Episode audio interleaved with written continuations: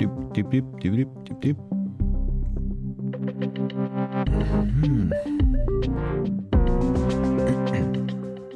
Hvem kan og skal frelse Dansk Folkeparti? På søndag der finder det ret skæbnesvang og formandsvalg sted, når Dansk Folkeparti skal finde deres nye formand, som altså skal erstatte Christian Tulsendal.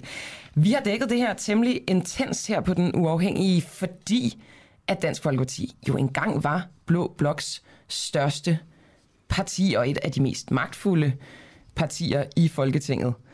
Og det er altså nu splittet til atomer, kan man vist roligt sige. Gitte Simoni, du er medlem af øh, Region Sjælland og byrådsmedlem i Roskilde for Dansk Folkeparti. Og du har udtalt tidligere, jeg kender Marete Dea, efter at have siddet i byrådet med hende i otte år. Og på den baggrund kan jeg konkludere, at jeg støtter Morten Messerschmidt som ny formand. Hvorfor stemmer du på Morten Messerschmidt på søndag, og ikke din kollega Marete Dea? Jamen, øh, godmorgen. Jamen, det gør jeg jo, det er jo, når man har været medlem af et parti i mange år som mig, så kender man jo folk rigtig godt. Og det mener jeg er et rigtig godt grundlag til, når man skal være med til at stemme om, hvem der skal være partiets nye formand. Jeg stemmer jo på Morten, fordi at jeg kender Morten godt. Jeg ved, hvad det er, han står for. Og han vil mange af de samme ting, som jeg tror på, er det helt rigtige for Dansk Folkeparti. Og hvad er det for nogle ting? Jamen, det handler om mere indflydelse til baglandet. Det har jeg savnet i rigtig mange år. Vi sidder rigtig mange dygtige folk rundt omkring i både kommuner, regioner og lokalbestyrelser. Dem skal vi have på banen, fordi de har rigtig meget at byde på. Så handler det om talent, talentudvikling. Vi har både unge og gamle, som godt kunne bruge lidt hjælp til at få udviklet nogle af de talenter, de sidder med. Det tror jeg på er vejen frem for os. Hvordan skal I komme på banen ude i det kommunale og det regionale? Jamen, det handler om at inddrage folk. Det handler om at kommunikere med folk. Og øh, vi har en rigtig mange dygtige, søde, venlige medlemmer, der rigtig gerne vil hjælpe til på et politisk projekt. Og så skal de inddrages. Når vi gør det, så kan vi også udvikle på dem og også inddrage dem i deres dagligdag. Er det din fornemmelse, at øh, baglandet, altså folk, der sidder i regionerne og i byrådene, at de sådan samlet set bakker Morten Messersmith op?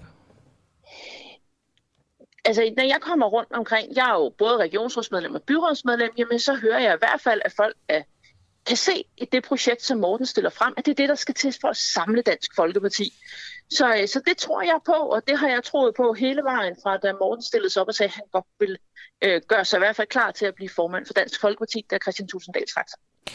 Og så sker der jo det her i løbet af ugen, at øh, der bliver lækket en optagelse af Morten Messersmith, hvor han taler om Pernille Vermund. Jeg går ud fra, Gitte Simoni, at du har hørt den før. Det har mange af lytterne også. Men lige til dem, der ikke har, så vil jeg lige spille en kort udgave af, hvad der blev lækket, hvor Morten Messersmith han altså taler om Pernille Vermund. Altså hun er en første klasses ledkælling. Ja. Øhm, og øh, det må vi bare aldrig nogensinde glemme. Jeg synes bare, det er vigtigt, at vi hele tiden holder os for. Hvis der er nogen, der er villige til at dæmpe hele det borgerlige sammenhold for sin egen lille profit, så er det altså en gennem for, for Helsingør.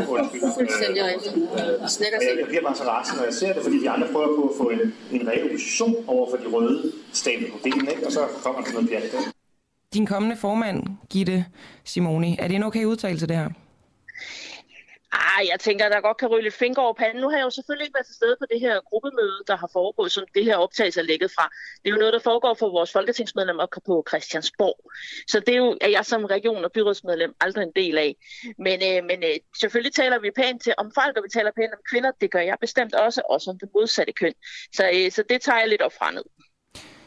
Morten Messersmith har også kaldt jeres øh, partikollega Tanja Kvod Madsen for en sølle sociohjælper fra Fredensborg. I siger meget det her med, der ryger en finger af panden. Jeg kan simpelthen ikke forstå det, Gitte Simoni, at det kan være okay det her. Jamen nu, øh, nu kan jeg, altså, jeg kan ikke udtale mig om noget, jeg i en samtale, jeg ikke har været en del af. Jeg kan jo bare forholde mig til det, som jeg læser i pressen, ligesom alle andre borgere i Danmark. Og, øh, og det har jeg ikke yderligere kommentar til. Hvorfor har du ikke det? Jamen, jeg kan ikke være med på noget, når jeg ikke har været med til en samtale. Jeg ved hverken, hvad den ene eller den anden har sagt og om det, der kommer frem, at det, der rent faktisk er sagt. Der er jo mange sider af en sag, og, øh, og når jeg ikke altså, har været en har del jo af sagt det her. En sølle sociohjælper fra Fredensborg. Hvad der er gået forud og bagefter, det øh, er jo underordnet i forhold til den udtalelse. En sølle sociohjælper. Dansk Folkeparti, som jo er et parti, der bryster sig af ligesom at, at godt kunne lide øh, arbejde og tale deres sag? Jamen altså, jeg har selv kørt som hjemmehjælper, da jeg læste til folkeskolelærer, så, så jeg ved udmærket godt, hvad det vil sige at være hjemmehjælper. Men jeg kan ikke forholde mig til en samtale, jeg ikke har været en del af, og om det her det hele taget er sket, det ved vi ikke. Vi har ikke set nogen beviser på det. Så det tager jeg lidt op fra og ned, og det må stå for deres egen regning. De her fingre af panden, som I alle sammen taler om, øh, står, I fast, står du fast på, at sådan det er okay på lukkede møder, at der bliver talt i sådan et sprog, som vi hører Morten Messersmith gøre om Pernille Vermund? Det tror jeg heller ikke, der gør hver eneste dag, men øh, det sker i alle partier. Man måske nogle gange har behov for at sige noget, og fred være med det, men jeg har ikke været en del af den her samtale, så det kan jeg ikke rigtig forholde mig til. Jeg ved ikke, hvad der hverken er sket forud eller bagud, eller hvilken kontekst det er sagt. Altså, hvis en af mine journalistkollegaer kaldte en anden journalist for en førsteklasses ledkælling, så tror jeg, at jeg vil øh, sige noget. Ja, det er ikke rigtig min, øh, min, min position i partiet til at gå og fortælle, hvem der siger hvad, og hvad de må og ikke må. Men det, det er vel det, din position at forholde dig til, om du synes, det er okay? Så jeg vil sige, at mine kollegaer fik ikke lov til at tale sådan, men jeg ved jo ikke, hvad der er gået forud. Men du vil gerne stemme på en formand, der taler sådan? Jeg, jeg vil stemme på Morten, fordi jeg tror på, at han er den rigtige til at samle Dansk Folkeparti og til at inddrage vores bagland. Og det er det, vi savner i baglandet, og det tror jeg på, at Morten er den helt rigtige til. Derfor du har brug for, at uh, han uh, undskylder over den her udtalelse? Det må ligge for Mortens egen regning. Det vil jeg simpelthen ikke blande mig i. Så det har du ikke brug for? Nej. Der er jo mange, der ligesom øh, slår lidt på jungletrummerne om, at forskellige formænd kan afføde, at de vil forlade partiet. Skulle Martin Henriksen gå hen og blive formand, hvad, hvad gør du så? Jamen altså, jeg har været Dansk Folkeparti hele mit voksenliv. Øh, det kan jeg ikke rigtig se noget skulle ændre sig på. Man kan jo godt ønske en bestemt formand, og så må man jo ligesom tage til efterretning, hvad medlemmerne de gerne vil af parti. Jeg synes, det er noget fis at tro med at gå, så man skal hellere tro med at blive. Og så den her udtalelse, som du har haft i Berlingske. Jeg kender Merete efter at have siddet i byrådet med hende i otte år, og på den baggrund kan jeg konkludere, at jeg støtter Morten Messersmith som ny formand. Hvad er det med Mar- ved Mariette Dea og dit kendskab til hende i otte år, som gør, at hun ikke skal være formand?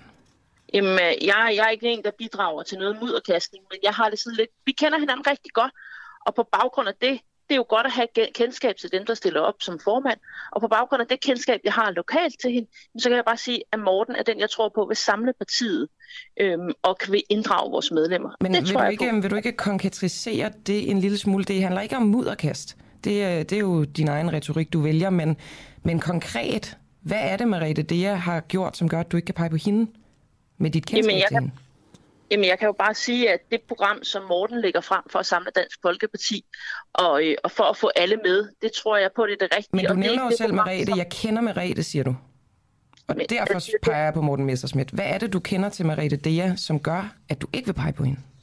Jamen, jeg, jeg, jeg siger, at hun har ikke de samme egenskaber, som Morten har her. Og, og hvad er det for nogle egenskaber? Samme Jamen, det, da jeg udlægger den her udtalelse til Berlingske før jul, der var det Marete og Morten, der var de eneste, der har meldt sig på banen som formandskandidater for Dansk Folkeparti. Og på baggrund af det kunne jeg sige, jamen, når det er de her to mennesker, der stiller op som formand, så med det kendskab, jeg har, det samarbejde, vi har haft lokalt, jamen, så kan jeg sige, så peger jeg på, øh, på Morten Messerschmidt. Hvad er det for nogle konkrete egenskaber, hun mangler som leder? Det handler både om den politik, der bliver kørt, det handler også om, om hvad er det for nogle grundværdier, man har som DF. Og Morten han går ind for de politikker, som, som jeg har stor sympati for, og noget af det, jeg meldte mig ind i partiet for, det er udlændingedebat, og det er EU. Og det er der, Morten er rigtig stærk, og der kan man sige, det er ikke de, de samme ting, som, som rigtig det, jeg kører på, men det det, Morten siger, det er det, jeg er DF'er for, og det er ligesom det, der falder i min kurve. Så det handler om politikken og ikke om egenskaber? Det handler om begge dele. Og hvad er det for, for nogle egenskaber, hun mangler? Men for mig mest om politikken, fordi det er det, der skal samle os som Tusind tak, Gitte Simone, altså medlem af Region Sjælland og byrådsmedlem i Roskilde for Dansk Folkeparti. Velbekomme. Ja, det er altså et øh, formandskab, der bliver afgjort på, øh, på søndag. Øh, og vi skal lige huske at sige, øh, sige godmorgen. Klokken er blevet 9 minutter over, øh, over syv. Du lytter til en uafhængig morgen. Ved siden af mig, der sidder øh, Camilla Boracchi. Godmorgen, Camilla. Godmorgen, og den stemme, som tilhører den mandlige del af morgenen, det er altså dig, Nikolaj Jul. Og øh, måske jeg lige kan tise en lille smule for, at regeringen forventer, at på onsdag, altså næste onsdag, den 26. januar, der forventer de at fremlægge en plan for yderligere lempelser af covid-19 restriktioner. Og man kan sige, at flere politikere, især i oppositionen, har jo i noget tid tordnet imod de her restriktioner og meget, meget gerne ville lempe dem. Vi skal tale med en af de her politikere, som har tordnet løs, og øh, også hvilken restriktion det er, vedkommende ønsker skal ophæves. Men først, der skal vi til omikron.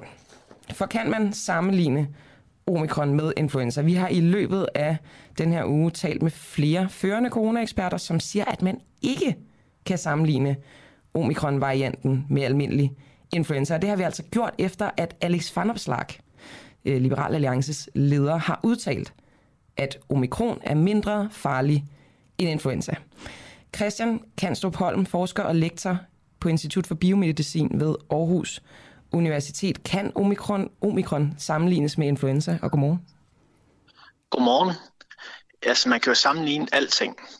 Øh, det, ellers, man kan også sammenligne en løve. Øh, sidestille, det kan man jo på mange områder. Og jeg må indrømme at sige, at at påstå, at man ikke kan sammenligne de to virus, altså, så kan man næsten ikke have en biologisk øh, baggrund. Jeg kan prøve at ramse nogle af hvad kan man sige, øh, de ting op, som for eksempel er ens for de her to virus.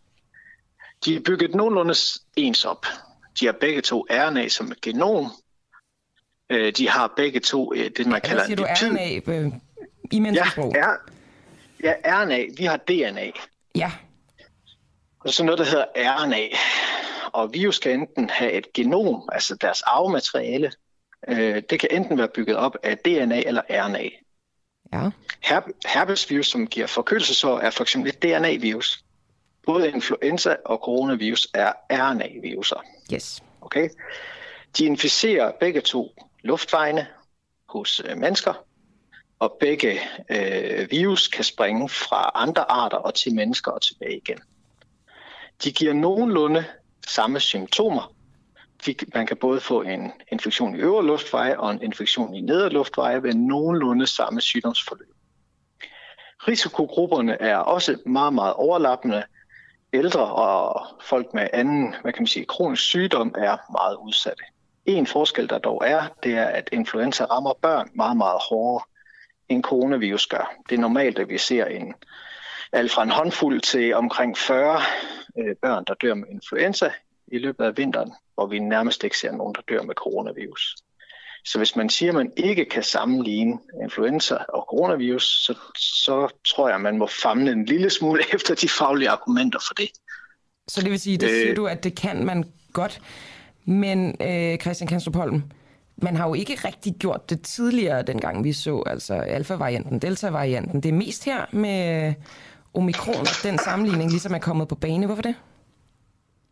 Jamen, der er masser, der har sammenlignet dem før. Det har bare ikke øh, været tilladt i medierne og blandt den, hvad kan man sige, lille udvalgte skare af eksperter, som blev tilladt at komme i medierne i de første års tid. Alright. Så, øh, så hvis du var biologer, at komme blandt, blandt, i øh, medierne, så ville du måske også have lavet den sammenligning langt tidligere. Ja, da, altså blandt biologer er det jo mainstream at sammenligne to viruser. Og de her to viruser ligner altså hinanden på rigtig, rigtig mange områder.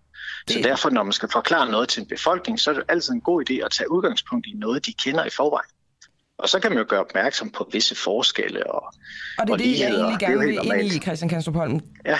En af de forskelle, som måske er der, det ved du bedre end mig, det er risikoen. Fordi bare med min øh, umiddelbare viden, så vil jeg tænke, at influenzavirusen kender vi jo nægtelig bedre end omikron-virusen. Hvad er forskellen i risikoen ved de to? Øhm, jeg vil starte med at sige, hvad der gør det svært at sammenligne. Det, der gør det svært at sammenligne, det er, at vi har haft influenza, øh, hvad kan man sige, e- epidemier og pandemier jævnligt over de sidste 100 år. Så betyder, at vi har en baggrund af naturlig immunitet af influenza i befolkningen. Derudover så vaccinerer vi jo hver eneste år øh, ældre øh, mod influenza, ældre og udsatte. Øh, men da corona kom her, der havde vi nærmest ingen naturlig immunitet i befolkningen. Så derfor, når man laver en sammenligning, hvad kan man sige, der hedder marts 2020, så sammenligner man et virus, der kommer ind i en befolkning, hvor der nærmest ikke er nogen immunitet med en virus, der kommer ind i en befolkning, altså influenza-virus, hvor der faktisk er en høj grad af naturlig immunitet, og i øvrigt også en stor øh, vaccinationstilslutning til netop den virus. På trods af det, øh, så oplever vi altså rigtig mange døde med influenza hver eneste år, og faktisk også øh, børn og unge, der dør af influenza. Det, der har været problemet hvor, med coronavirus, jamen det kan være øh, om fra omkring 500-600 til flere tusinde, der dør med influenza bare i Danmark øh, hver eneste år. Og som jeg sagde før, jamen, med eller af? de hårde sæson... Hvad siger du? Med eller af influenza? Det er. Alright. Og, sen, og hvis man skulle tage den her mærkelige tal, der hedder med influenza, så ville der være langt flere, fordi vi tester jo slet ikke for influenza på mm. samme måde, som vi har testet for coronavirus. Alright. Ja, så hvis man skulle lege den mærkelige leg, der hedder, hvis man tager en person, der er uden immunitet mod nogle af virusene, hvad skal personen så vælge at blive inficeret med? Mm. Ja, så skal man tage coronavirus anytime. Okay. Og det kan vi jo se historisk. Hvis man går tilbage i tiden og ser, når der er kommet nogle influenza-varianter, som der ikke har været naturlig immunitet mod, så har vi jo snakket en øh, øh, gennemsnitlig gennemsnitsalderen på de døde omkring 40. Og hvis vi går helt tilbage i, øh, i starten af 1900-tallet, hvor vi havde det, der hed den spanske øh, syge, som var influenza, der var det jo en, en kæmpe andel af Europas befolkning, der døde. Og jeg skal bare lige sikre mig her, når du snakker, hvad man vil vælge af influenza og omikron, og siger, at man vil til hver en tid vælge omikron. Er det så, hvis man ikke er blevet vaccineret, vel at mærke, hverken med de to første eller boosteren? Ja, hvis man, hvis man nu leger, at øh, man er hverken immun over for influenza eller for omikron, hvad skulle man så vælge? Ja, så skulle man til hver en tid tage coronavirus. Og øhm, så er der bare en sidste ting, jeg, øh, jeg er lidt nysgerrig på. Det er det her med senfølgerne, som jo alt andet lige må være en lille smule svært at måle. Alt andet lige, at omikron jo er sådan en ny spiller på banen. Vil man stadig vælge det frem for influenza, når man jo ikke kender senfølgerne? Der er jo altså senfølger ved at have influenza, skal man tænke på. Og de studier, der er blevet lavet, også i Danmark, øh, på senfølger, de viser altså, at senfølgerne omkring coronavirus er bestemt ikke værre, end de er ved alle mulige andre sygdomme. Så det der med, at der det kan man godt vide allerede nu. Ikke med, ikke med omikron, men man må, det er svært at forestille sig, at omikron skulle have værre senfølger end delta eller alfa varianten. Men man ved det ikke. Nej, det ved man vel ikke. Og så er det vel en lille bitte smule sat, så er det ikke det? Jamen, det kommer selvfølgelig an på, om man tror, at man øh, skal forsvare sig mod alle ting, de ting, vi ikke ved. Alright. Altså, der kunne, også, der kunne også opstå en helt ny pandemi i morgen af en helt anden virus. Det ved vi jo heller ikke. Altså, vi kan ikke, vi kan ikke hvis vi skal ud i, hvad kan man sige, i at tage kraftige, lave kraftige indgreb i, i samfundet, ud fra noget, hvor vi bare ikke kan være mere end 99,9 procent sikre, ja, så tror jeg ikke, vi kan fungere som uh, samfund. Det sagde altså Christian Kanstrup Holm, som er forsker og lektor på Institut ved Biomedicin ved Aarhus Universitet. Tak skal du have, Christian. Selv tak. Ja, lige om lidt skal det altså handle om, øh, om øh, Mink-kommissionen, fordi vi ringer til vores, ja, kan man vel godt kalde det, Mink-korrespondent øh, Christian, øh, Christian Hegård, der, øh, der sædvanligvis følger, øh, følger afhøringerne i Minkkommissionen. Og Minkkommissionens afhøringer fortsætter altså, øh, altså i dag ved retten på Frederiksberg, hvor det er politidirektør Lotte Lykke Sørensen undskyld, og juridisk chef Birgitte Buk fra Rigshospita- øh, Rigspolitiet, der skal, øh, der skal afhøres. Øh, og ja, vi har faktisk vi har fået nogle, øh, nogle beskeder ind øh, allerede. Der er en, der blandt andet skriver, har hørt, at på mandag skal værterne narkotestes. Det kan jeg også hverken bede eller afkræfte. Nej, det, det, kan, øhm, det kan jeg skal jul måske. Altså, det, det, jeg tager gerne sådan en narkotest der. Ja, det, det samme her. intet problem. Den vender vi lige på, øh, på et eventuelt redaktionsmøde. Så er der også Susanne Kjellerup, der skriver, at den totale nedsmeltning af Dansk Folkeparti sker på søndag. Tror vi får noget nær det samme billede at se, som da Fremskridtspartiet smeltede sammen for for åben skærm, og det Susanne refererer til, det er jo selvfølgelig øh, øh, ja, samling for, for, for øh, Fremskridspartiet, da Christian Poulsgaard kaldte øh, hovedbestyrelsen i Fremskridspartiet og Christian Thulsen Dag for nogle tøse drenge. Nogle tøse, tøse drenge. drenge. Det vil jo unægteligt gøre en lille bitte smule ondt på nogle af de, øh, hvad skal man sige, dem der er gamle i går, som var med til at bryde ud fra Fremskridtspartiet og stifte Dansk Folkeparti. Så øh, det bliver jo vildt spændende at se, hvad der kommer til at ske på søndag. Nu skal vi altså snakke action cards i forbindelse med de her mink-aflivninger. Minkavlerne de fik følgende besked, hvis de sagde nej til at samarbejde med myndighederne om mink-aflivning. Det er jeg ked af at høre, men beslutningen er truffet. Manglende medvirken vil derfor betyde, at du ikke får mulighed for at opnå bonusen, og du kan forvente, at myndighederne så kommer og foretager en tømning af besætningen alligevel. Jeg vil derfor høre, om dette får dig til at ændre beslutningen. Det var der ikke lov hjemmel til. Christian Hegård, hvem skrev det her omstridte actioncard, som jeg lige har læst op? Jamen, det var noget af det, vi fik at vide i Mink-kommissionen i går. Både hvem der skrev det her famøse actioncard i Mink-sagen, og hvem der efterfølgende godkendte. Fordi som vi jo var inde på, så var actioncard jo sådan en manual, som Rigspolitiet skrev til politiskoleelever om, hvad de skulle sige, når de ringede til minkavlere fra raske besætninger, som der jo ikke var hjemmel til at slå ned. Der stod, at uh, politieleverne skulle sige, at hvis ikke minkavlerne samarbejdede, så kunne myndighederne komme og tømme deres øh, farm. Og det kunne forstås som en slags trussel om, at politiet kunne komme og gøre noget, som de faktisk ikke må. Og det viste sig øh, at være en medarbejder, der var inde, øh, som forklarede, at han havde kun arbejdet fire dage i Rigspolitiet, da han skrev actionkartet. Det gjorde han ud fra et enkelt møde, han havde deltaget i, og et enkelt dokument fra Fødevarestyrelsen, og så fik han en tidsfrist på kun 45 minutter. Og man kunne ikke rigtig undgå at have lidt ondt af den her medarbejder, der var tydeligt påvirket af situationen. Men man skal samtidig huske på, at der var to af hans overordnede, der godkendte det her action card.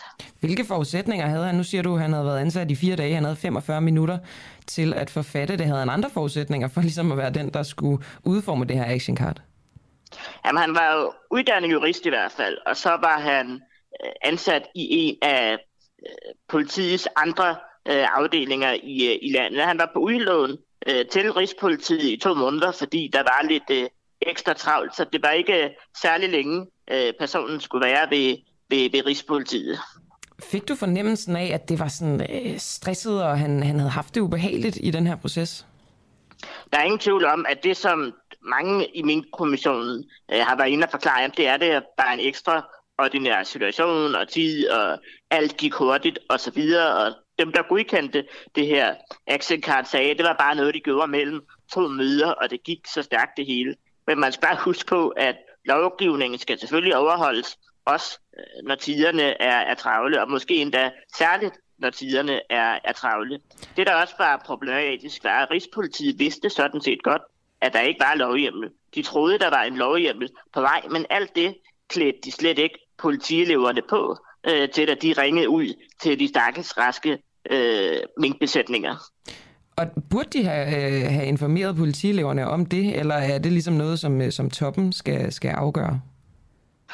Ja, det, det, det giver god mening, at man giver minkavlerne den fulde information, nemlig at øh, der er ikke lovgivning til at slå mink ned i, øh, i raske besætninger på nuværende tidspunkt, og derfor er det fuldt ud op til dem, øh, hvad de vil gøre. Øh, det kan være, at der kommer en ændret lovgivning, men det vidste man jo ikke på, på det pågældende øh, tidspunkt. Men, havde... så, så selvfølgelig skal man give... Det, det, det er jo ikke en information, man skal gemme over for minkavlerne. Men havde Rigspolitiet alle muligheder for at gøre det, eller havde de fået besked på, ligesom, åh, hvad skal man sige, holde det skjult, eller i hvert fald ikke informere om det? Ja, det er noget af det, vi måske får svar på i dag eller i næste uge, fordi det, der stadig er uklart, det er, hvem var det egentlig, der i gang satte, at der skulle skrives øh, det her action card, og hvor langt oppe i systemet vidste man det. Allerede når da politiskoleeleverne ringer ud til minkavlerne fra de raske besætninger, der er Fødevarestyrelsen i gang med at ringe til, til andre minkavlere. Og der står ikke i Fødevarestyrelsens papirer, at man skal øh, forklare, at det kan være, at myndighederne kommer alligevel, hvis ikke man samarbejder osv. Og det er jo lidt underligt, hvorfor at der er en manual hos Fødevarestyrelsen og en anden manual hos politiet. Det må være den samme information, man ringer med, når det er, man ringer til minkavlere på tværs af landet.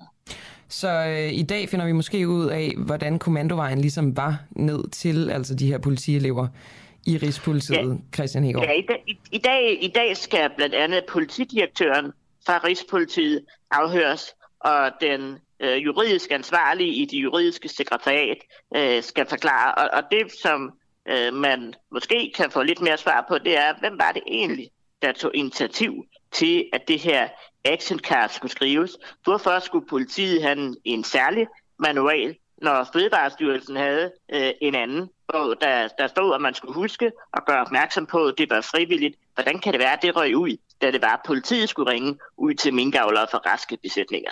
Og du følger altså øh, afhøringerne lige så tæt, som du har gjort hidtil, Christian Hegård, den uafhængige minkkorrespondent og tidligere retsordfører fra De Radikale. Tak fordi du var med.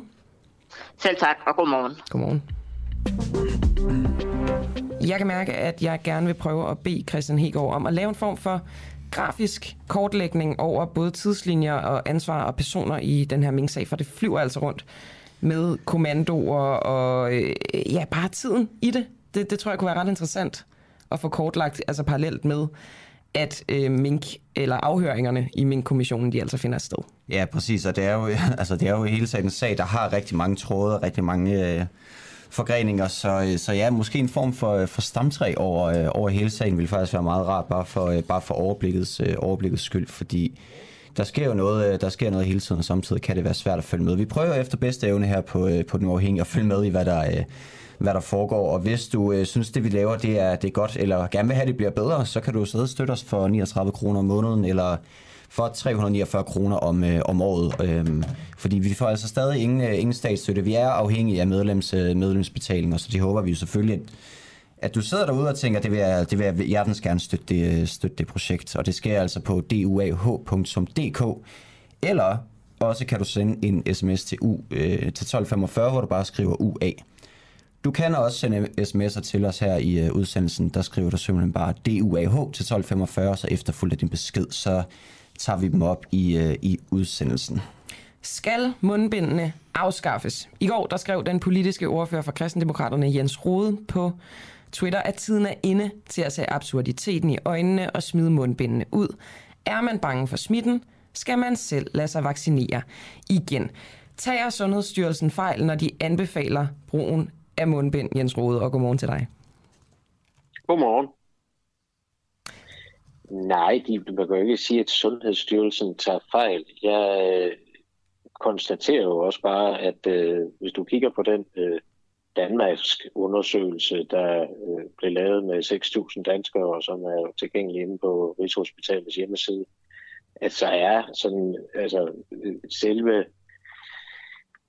vurderingen af beskyttelsen, at øh, den, hvis man siger, at den ligger sådan lige omkring de 15-20 procent, så skal man holde det op, og det kræver altså, at man bruger mundbindene korrekt, hvad jeg betvivler på, at mange af os gør. Jeg gør i hvert fald ikke, fordi jeg er en af dem, der tager mit mundbind i lommen og genbruger det. Men hvis man, hvis man, øh, hvis man siger, at det er omkring 15-20 procent, så skal man jo holde det op over for alle mulige andre forhold, blandt andet om vi vil leve i et ansigtsløst øh, samfund. Og det har jeg ikke lyst til, og derfor har jeg faktisk været imod øh, mundbindene hele tiden. Jeg mener ikke, at øh, det er mundbindene, vi skal bruge til at øh, beskytte os. Et ansigtsløst samfund, altså... Øh, jeg tænker bare, Jens Rode, mundbindet, det er jo, hvis man kigger økonomisk på det, en relativt øh, ufarlig restriktion set, øh, i hvert fald holde op imod og sådan noget som at lukke kulturlivet eller restauranter eller, eller lignende. Så hvorfor er det lige den restriktion, du øh, går imod? Ja, nu er vi jo faktisk nået der til, at jeg ikke mener, at der skal være flere restriktioner. Altså, øh, jeg har jo, jeg har jo øh, hele tiden sagt, og det har jeg fået mange tæsk for, at jeg mener, at folk skal lade sig vaccinere. Og jeg er også der, hvor jeg forskellige gange har sagt, at øh, hvis ikke folk vil lade sig vaccinere, så mener jeg faktisk, at man bør udrulle en vaccinepligt. Øh, fordi det er, øh, og det er, jo, det er jo et kildens spørgsmål, men de facto har vi jo vaccinepligt, fordi dem, der ikke er vaccineret, de kommer til at få nogle begrænsninger i samfundet. Jeg vil gerne vende tilbage til vaccinepligten, ja, ja, for det er ret interessant. Men, men, men, jeg prøver bare, ja, ja, men jeg prøver bare lige at folde det ud. Klart, og det, det får du lov til lige om lidt, men, det, men jeg bliver nødt til at spørge dig om, Jens Hvis du er bange for at blive smittet, Ja, men er man sikret mod corona, hvis man har fået boostervaccinen? Nej, men øh, vi ved jo, at dem, der får alvorlig sygdom, og dem, som bliver indlagt på intensiv, det er primært de mennesker, der ikke har lavet sig vaccinere. Det er et faktum. Det kan man læse ind på SSI hjemmeside. De tal er offentligt tilgængelige. Snakker du intensivafdelinger eller generelt? Jeg snakker alvorlig sygdom, og alle det der tal er offentligt tilgængelige. Så samtlige altså, det... indlagte på hospitalet, det er folk, der ikke er vaccineret? Jamen, du skal ikke lægge mig ord i munden, jeg ikke siger. Jeg taler ikke om samtlige indlagte. Det er et spørgsmål. Jeg siger, vi ved, jeg, jeg siger ikke samtlige indlagte. Jeg siger det, jeg siger, at tallene er offentligt tilgængelige inde på SSI's øh, hjemmeside. Du kan se, at langt størstedelen af dem, der får alvorlig sygdom og bliver indlagt med alvorlig sygdom på grund af corona, altså fra alle de andre ting, der hedder brækket ben og så videre med corona, det er de uvaccinerede. Det er langt de for hovedparten af dem. Og øh, hvis man er bange for smitten, kan man lade sig vaccinere. Vi har ikke råd til dels at blive ved med at lukke samfundet ned flere gange om året. Det er den ene ting. Den anden ting er, at for mig er mundbind et meget... Det, det, det er i hvert fald et indgreb i min personlige frihed, og det er med til at give et ansigtsløst samfund, som jeg ikke har lyst til, skal blive normalen. Og derfor skal vi af med de mundbind hurtigst muligt. Jeg er lige nødt til at spørge dig om noget, øh, Jens Rode. Øhm, nu taler du om det ansigtsløse samfund, og det handler vel mere om en måde, man møder mennesker på. Men nu er corona jo trods alt en sundhedsmæssig krise. Har du en faglighed til at vurdere, hvorvidt mundbindene er effektive eller ej? Det er der jo ikke nogen politikere, der har. Altså, det er der jo ingen af os, der har den faglighed. Men vi har jo øh, de samme tal og tilgængelighed til de samme undersøgelser, som alle andre har. Okay. Og så kan man jo så vurdere de undersøgelser og tal op for hinanden. Det er jo sådan en politisk beslutning i sidste ende. Hvad, hvad vægter du i den ene ende i forhold til betydningen af de tiltag, der bliver lavet? Og nu konstaterer jeg jo så også, at øh, der efterhånden er ved at være et politisk flertal for, at corona ikke længere skal betragtes som en samfundskritisk, altså en samfundskritisk øh, sygdom. Men Jens så, øh, og, og så er der jo ikke nogen grund til at bevare mundbinden. Jeg har, øh, vi har en lytter, som øh, skriver, det studie Jens Rode henviser til at lave på et tidspunkt, da vi næsten ikke havde smitte. Det er Jakob Stikligt Villert. Så er det jo også sådan, at øh, smitten stiger og stiger. Til trods for det, der vil du gerne lægge mundbindet. Jamen, smitten er jo ikke noget problem. Det er sygdomsfrekvensen.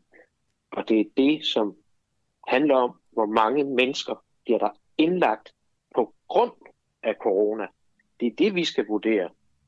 Altså, det om folk bliver smittet eller ej, det mener jeg ikke, at man kan måle det på, og det skal ikke være det, som vi politisk træffer beslutninger øh, på baggrund af. Men man kan sige, det, må være, estimatet, det må være indlæggelsestallene. Når estimatet er, øh, altså når både konkret der er stigende smitte på nuværende tidspunkt, og estimatet er også, at det vil fortsætte den vej, så må man, så må man vel også antage, at det procentuelt også vil afføde flere indlagte.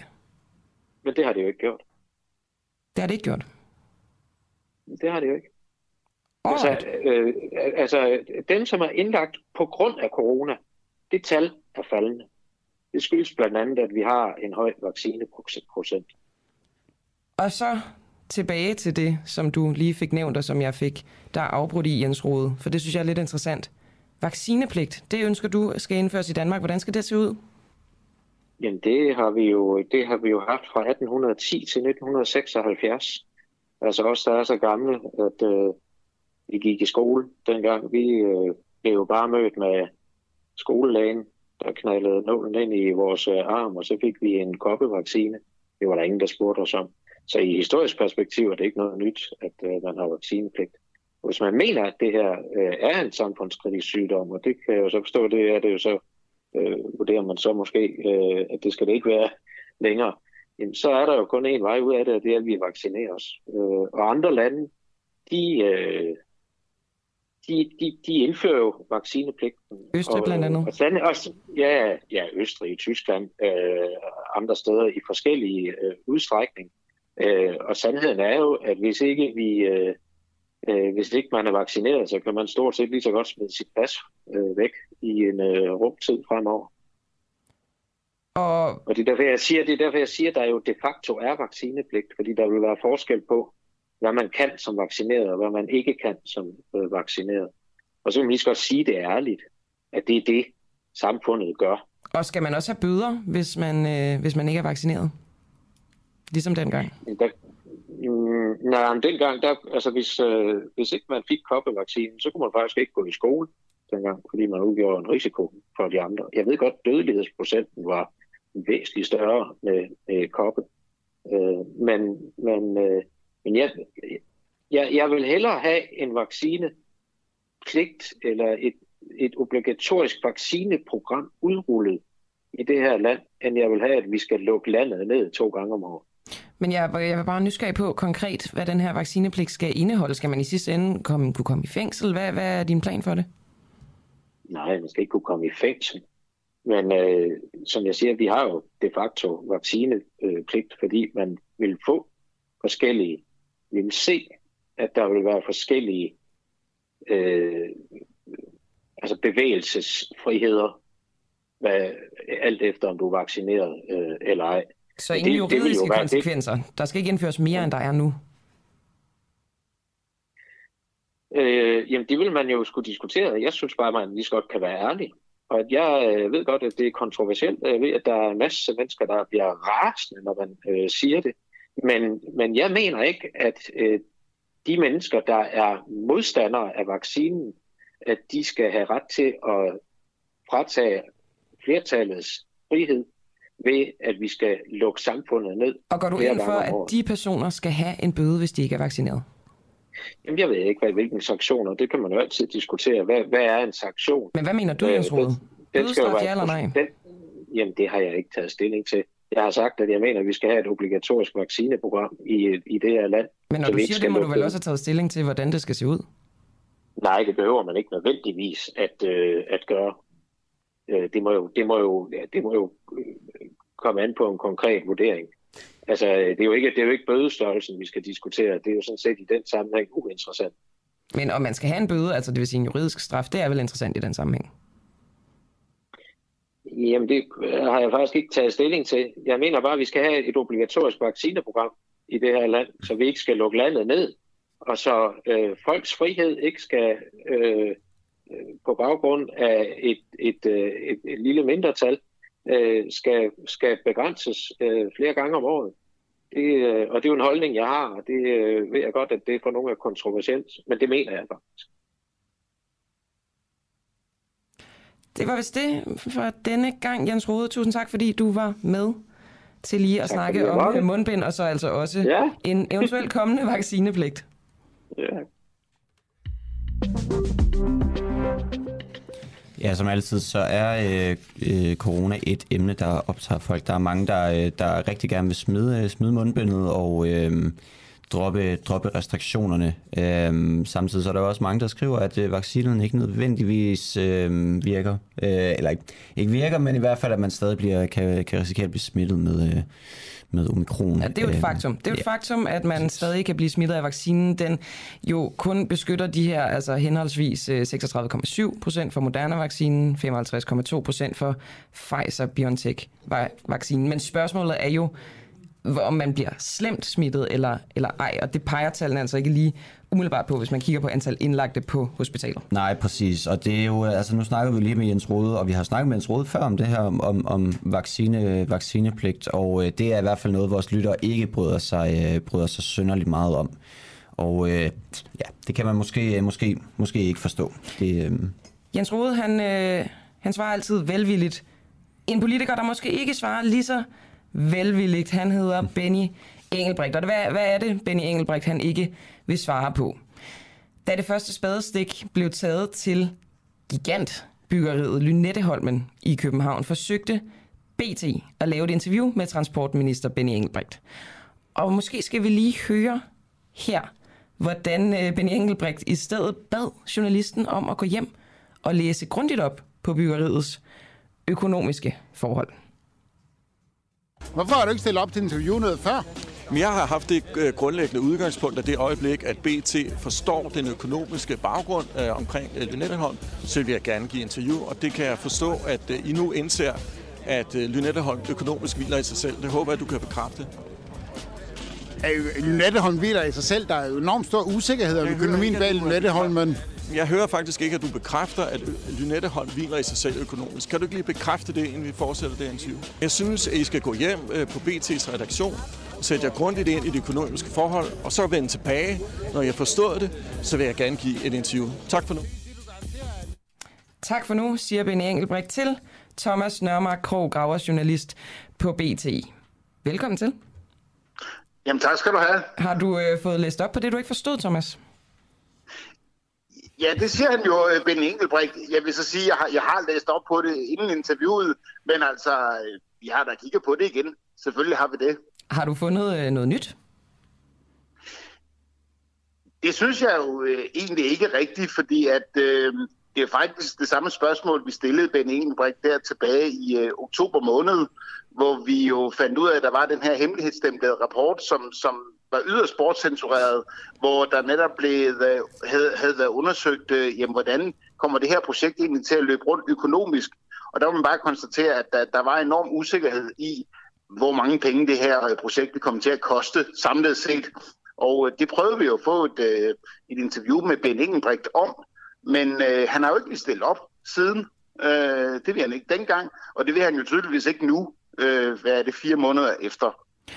Og den her rapport, hvem har udarbejdet den? Jamen, det er jo Ernst Young, som faktisk øh, havde lavet det for Transportministeriet. Det var dem, der havde sat den til at lave det. Altså en undersøgelse af finansiering og organisering ved Netteholmen. Og øh, ja, det, det havde Transportministeriet faktisk bestilt og fået.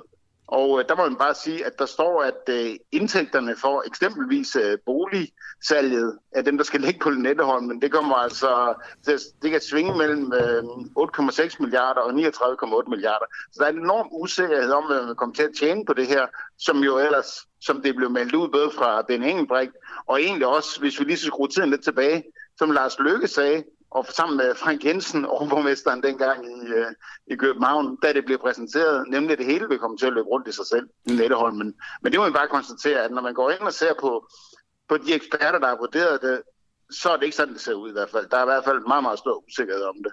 Så altså, hvis man lige skal kortlægge det, så er det sådan, at Benny Engelbrecht, han mener altså, at Lynetteholmen kan finansiere sig selv. Men der er en mm. hemmeligt stemplet rapport, hvor eksperter de peger på, at man i hvert fald ikke med sikkerhed kan sige, at den kan finansiere sig selv. Ja. Og det er så det, du gerne vil forholde Benny Engelbrecht. Og øh, det kommer der det her ret famøse klip ud af efterhånden, selvom det er ganske nyt. Øh, han vil simpelthen ikke svare. Han vil have, at du går med på præmissen om, at det kan finansiere sig selv. Ja, det er jo det, er jo det han siger til mig. Det, det, det, ja, det var lidt, øh, lidt uventet, han sagde det så klart.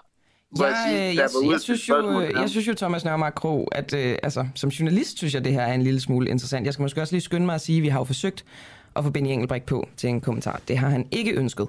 Men det her med, at en øh, politiker kræver af dig som journalist, at du skal godtage hans præmis, og så kan I lave et interview. Har du prøvet det før?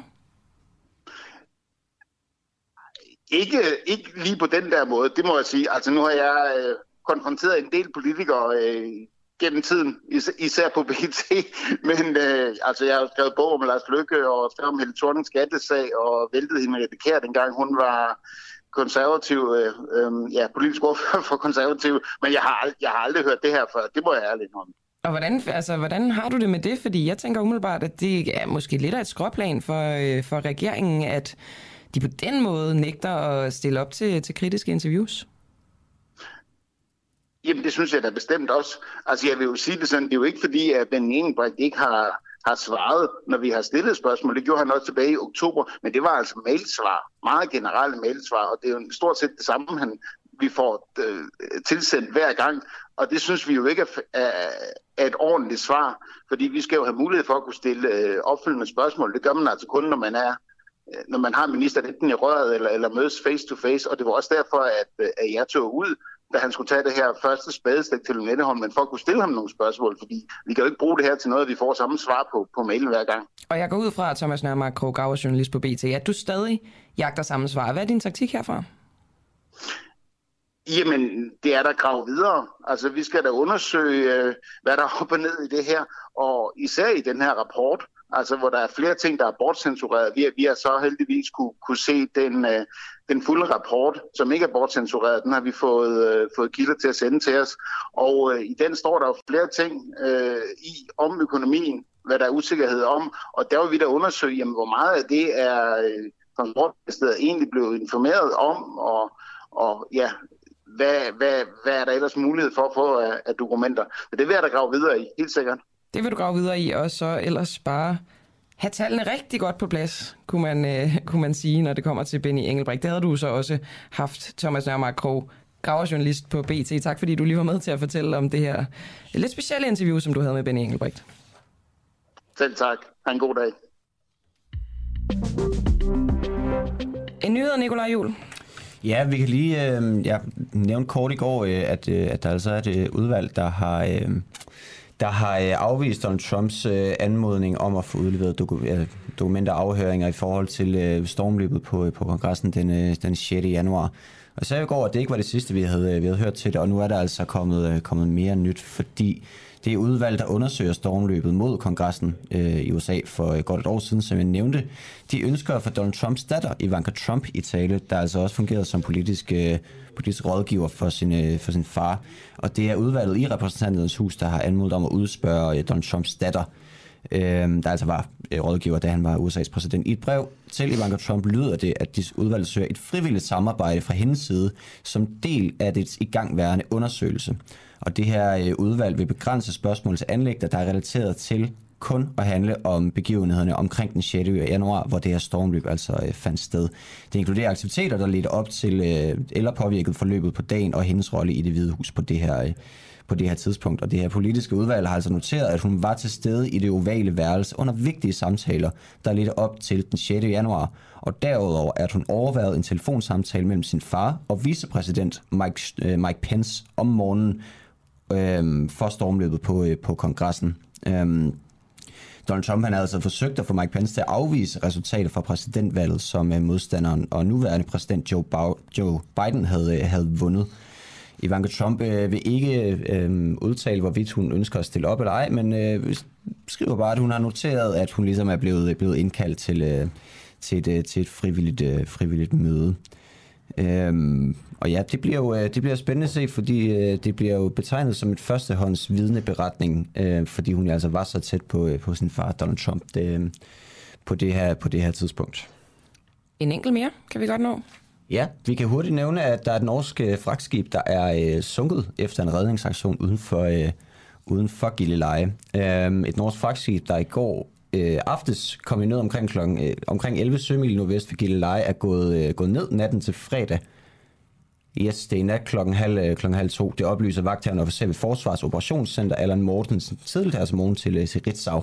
Og meldingen kommer altså efter fem nordmænd i går blev reddet op fra skibet i en øh, helikopter flot til Sverige efter en øh, redningsaktion. Og det kom så altså af, at det her skib havde fået en øh, slagside og lå, øh, lå skævt i vandet. Og øh, det ved jeg ikke, jeg synes det mere og mere, man hører om skibe, der kendrer nær, nær de danske kyster, især øh, for nyligt omkring, øh, omkring øh, Bornholm. Det er jo det, øh, måske et mønster, vi er, vi er vidner til. Det er i hvert fald noget, vi, jeg i hvert fald interesserer mig meget, meget for, så det kommer jeg til at, øh, kommer jeg til at hænge ved omkring. Vi skal videre på programmet. Risikerer vi at åbne døre i visse former for retssager kan afle endnu flere krimisager af samme karakter. I den her verserende sag om en 27-årig nordjyde, der har planlagt skoleskyderier på flere skoler i løbet af fem års tid, i hvert fald ifølge anklagemyndigheden, har offentligheden detaljeret adgang til en masse information om både planlægning, hans bevæggrunde, hans motiver, fordi der er det, som man kalder for åbne døre i retssagen. Og spørgsmålet er, om denne her øh, offentlige adgang til den her type sager risikerer simpelthen at inspirere andre folk og afle endnu flere potentielle sager af samme karakter. Nina Palisea Bunde, du er øh, formand i Dommerfuldmægtigforeningen. Bør man lukke dørene helt for offentligheden i denne her type af sager? Og godmorgen.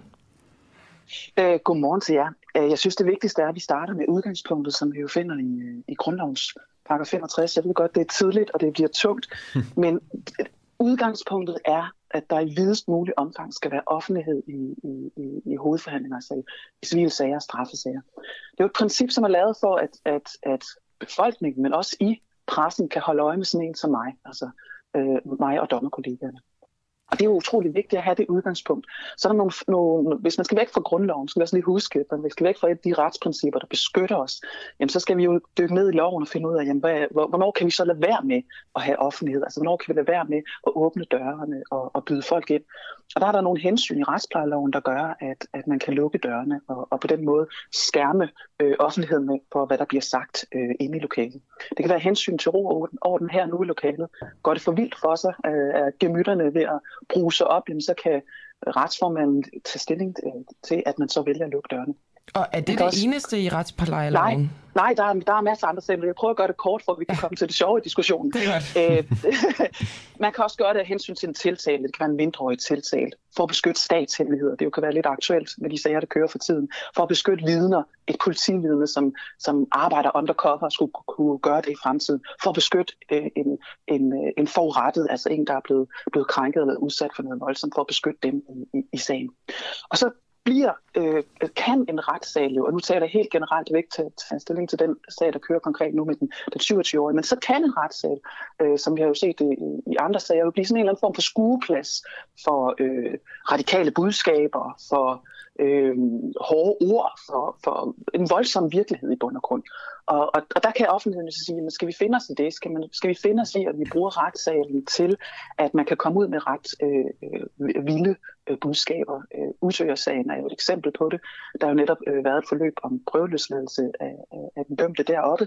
Øh, og, og der kom spørgsmålet meget naturligt, skal vi bruge retssalene til den her form for, for skueplads, hvor der kan komme nogle sådan ret radikale budskaber ud? Det er jo et sindssygt godt spørgsmål. men, men, men er, der, er der en paragraf i retsplejeloven, der gør, at man ligesom kan sige, okay, vi skal ikke bruge det her som skueplads, vi skal ikke bruge det her som inspiration til, til andre, og derfor lukker vi dørene? Ikke, altså ikke umiddelbart. Altså, der er den her den generelle hensyn til ro og orden her nu, men vi skal egentlig kunne tåle, kan man sige, som udgangspunkt, at der kommer nogle, nogle ret hårde budskaber ud i, i rettens lokaler. Det siger jo egentlig også sig selv, fordi hvad er det retten behandler? Det er jo blandt andet øh, drab, øh, pædofili, øh, øh, nazisme, øh, racisme, alt muligt andet. Og, og der vil komme øh, hårde budskaber ud. Og jeg vil sige, hvad er alternativet? Jamen alternativet er jo sådan set, at, at der ikke er den her offentlighed, som jo gør, at man kan holde øje med, hvad der sker inde i lokalet, som gør, at I kan gengive, hvad der sker i lokalet.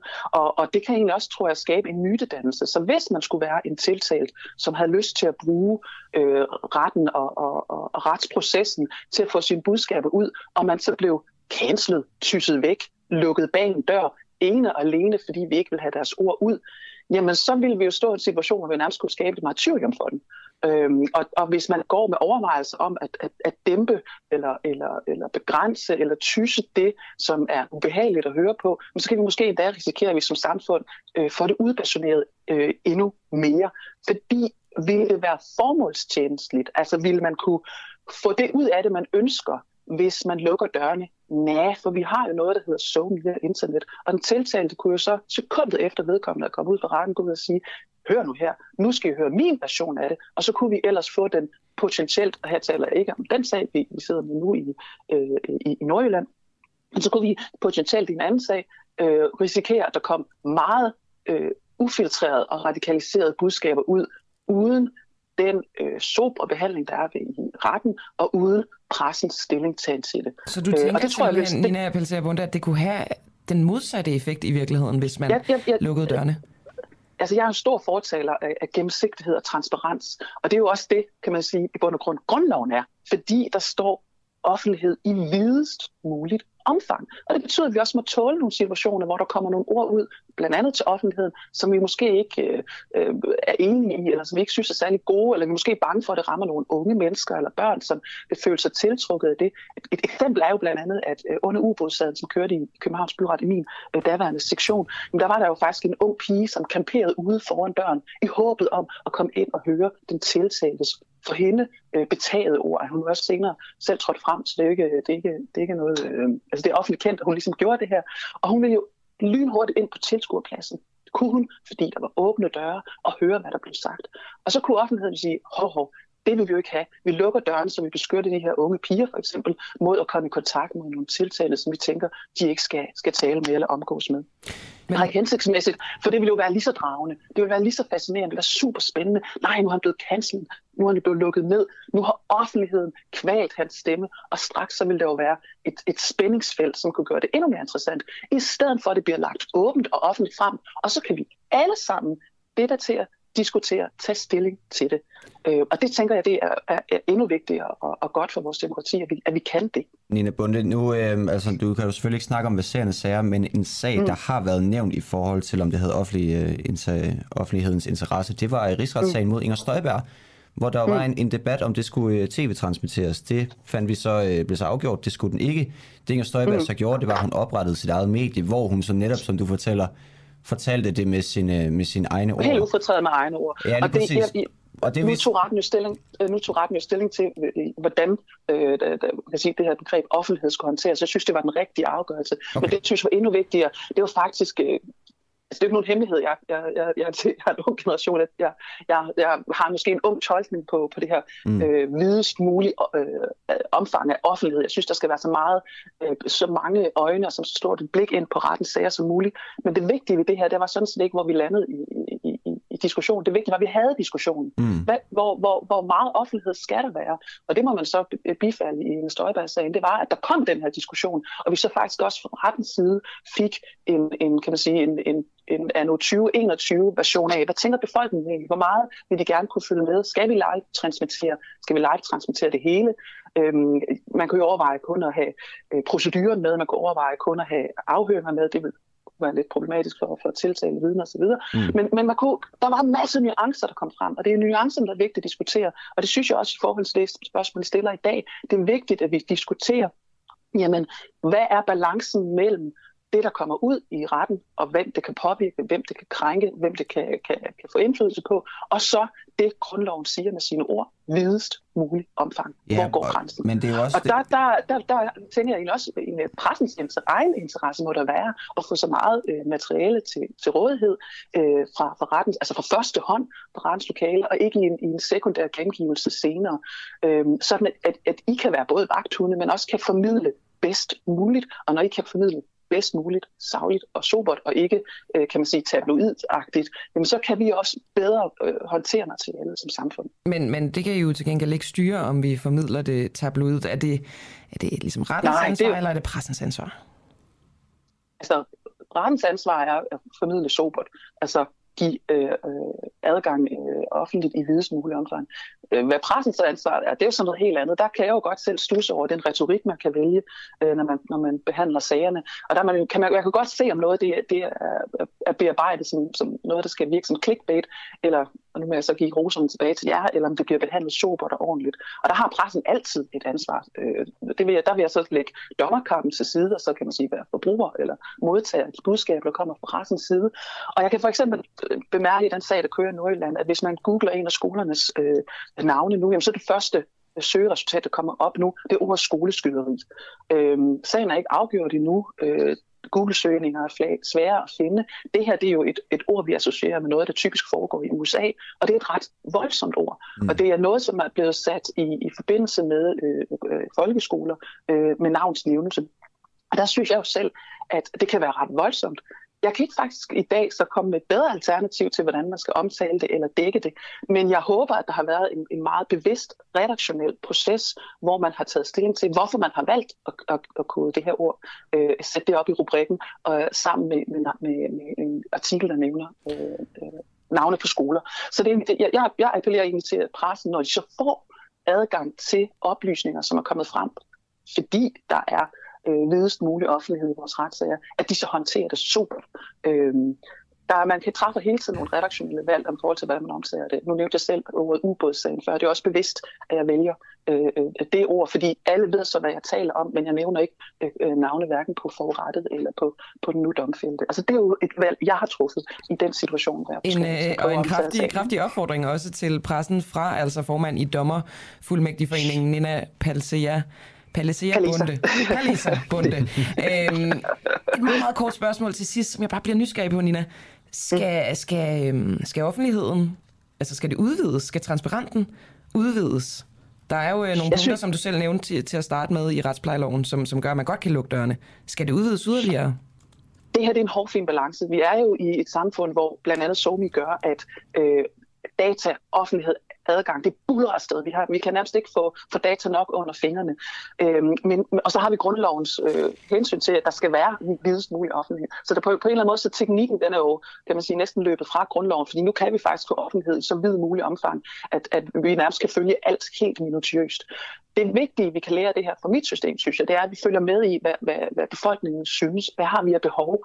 Øhm, vi er jo blevet bedre og bedre til hurtigt at komme ud med vores afgørelser, så man kan finde på hjemmesiden, læse teksten, i stedet for kun at få en, en, en presses gengivelse. At vi er blevet bedre og bedre til i de rigtige situationer at transmittere inden for retten. Vi giver, bliver bedre og bedre til at lave gode lokaler, hvor pressen kan komme ind, og hvis ikke der er plads i selve retslokalet, så lyt med lige ved siden af. Og der skal mere af den slags tiltag til. Og der må vi altså fra mit eget system sige, også som fagforeningsformand, at, at vi er der noget, ikke nødvendigvis endnu på niveau med, hvad vi kunne levere i 2022, men vi er rigtig godt på vej.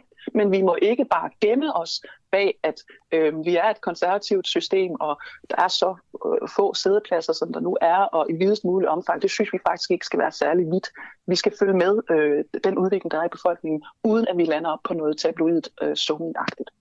Sagde altså Nina Palisea Bunde, formand Halise. i... Jamen, jeg kan ikke udtale det. Jeg har givet op, tydeligvis, men du er dommer i, formand i Dommerfuldmægtigforeningen. Tak skal du have. Tak skal du have.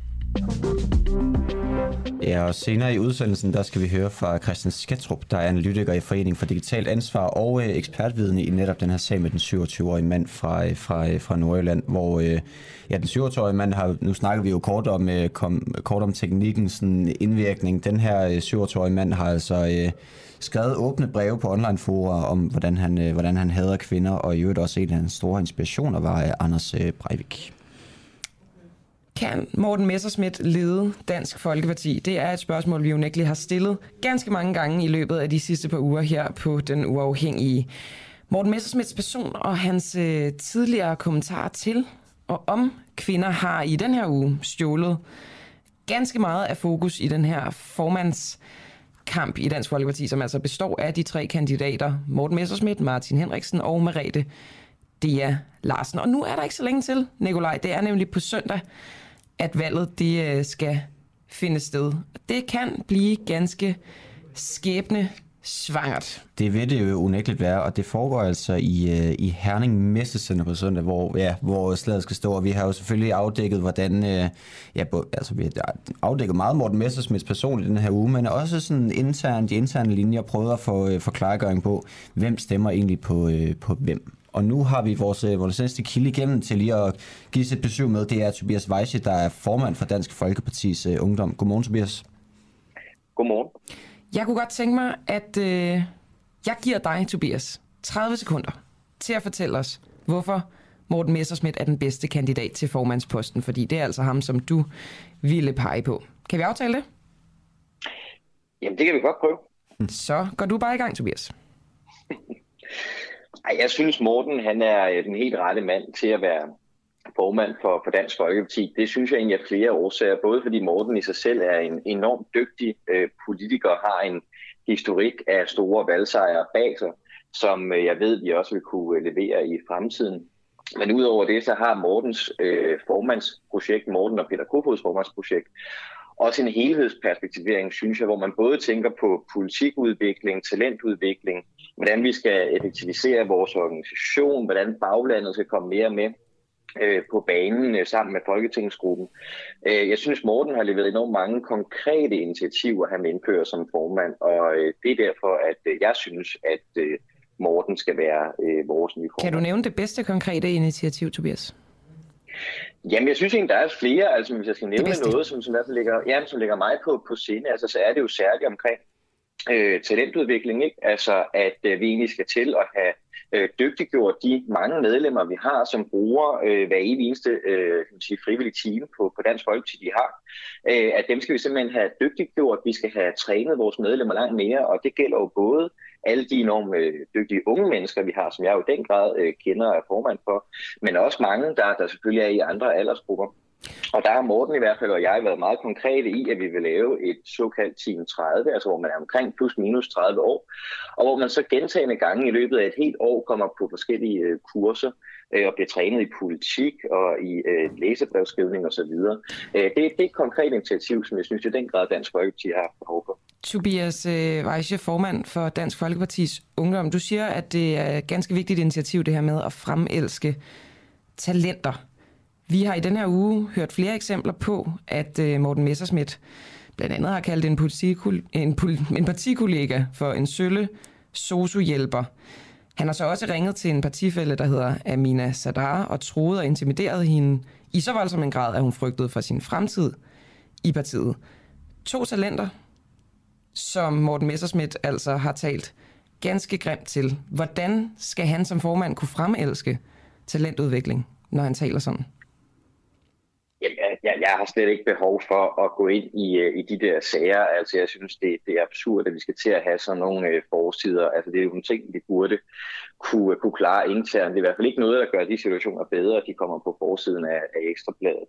Øhm, altså, jeg, jeg, jeg synes, at... Øh, jeg kender Morten som en øh, fantastisk dygtig politiker og en rigtig god, øh, en rigtig godt menneske, en god ven. Sådan kender du Morten, så, men sådan kender de her to kender jo ikke Morten. Og du taler om den her jamen. generelle talentudvikling. Hvordan skal en formand, der taler sådan til det, man kunne sige var måske talenter, eller politikere en spe, hvordan skal en formand kunne fremelske talenter, når han taler sådan til dem?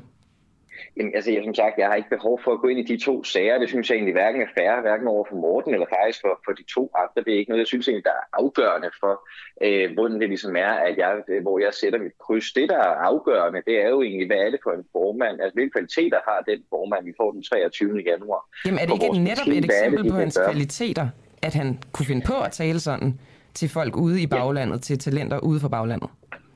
Jamen, øh, altså, jeg synes virkelig ikke, man skal til at vrage eller tilvælge en formand på baggrund af, af tabloidpressen. Altså, vi ved ikke, hvad der er op i ned i det der. Jeg har ikke behov for at gå ind i det.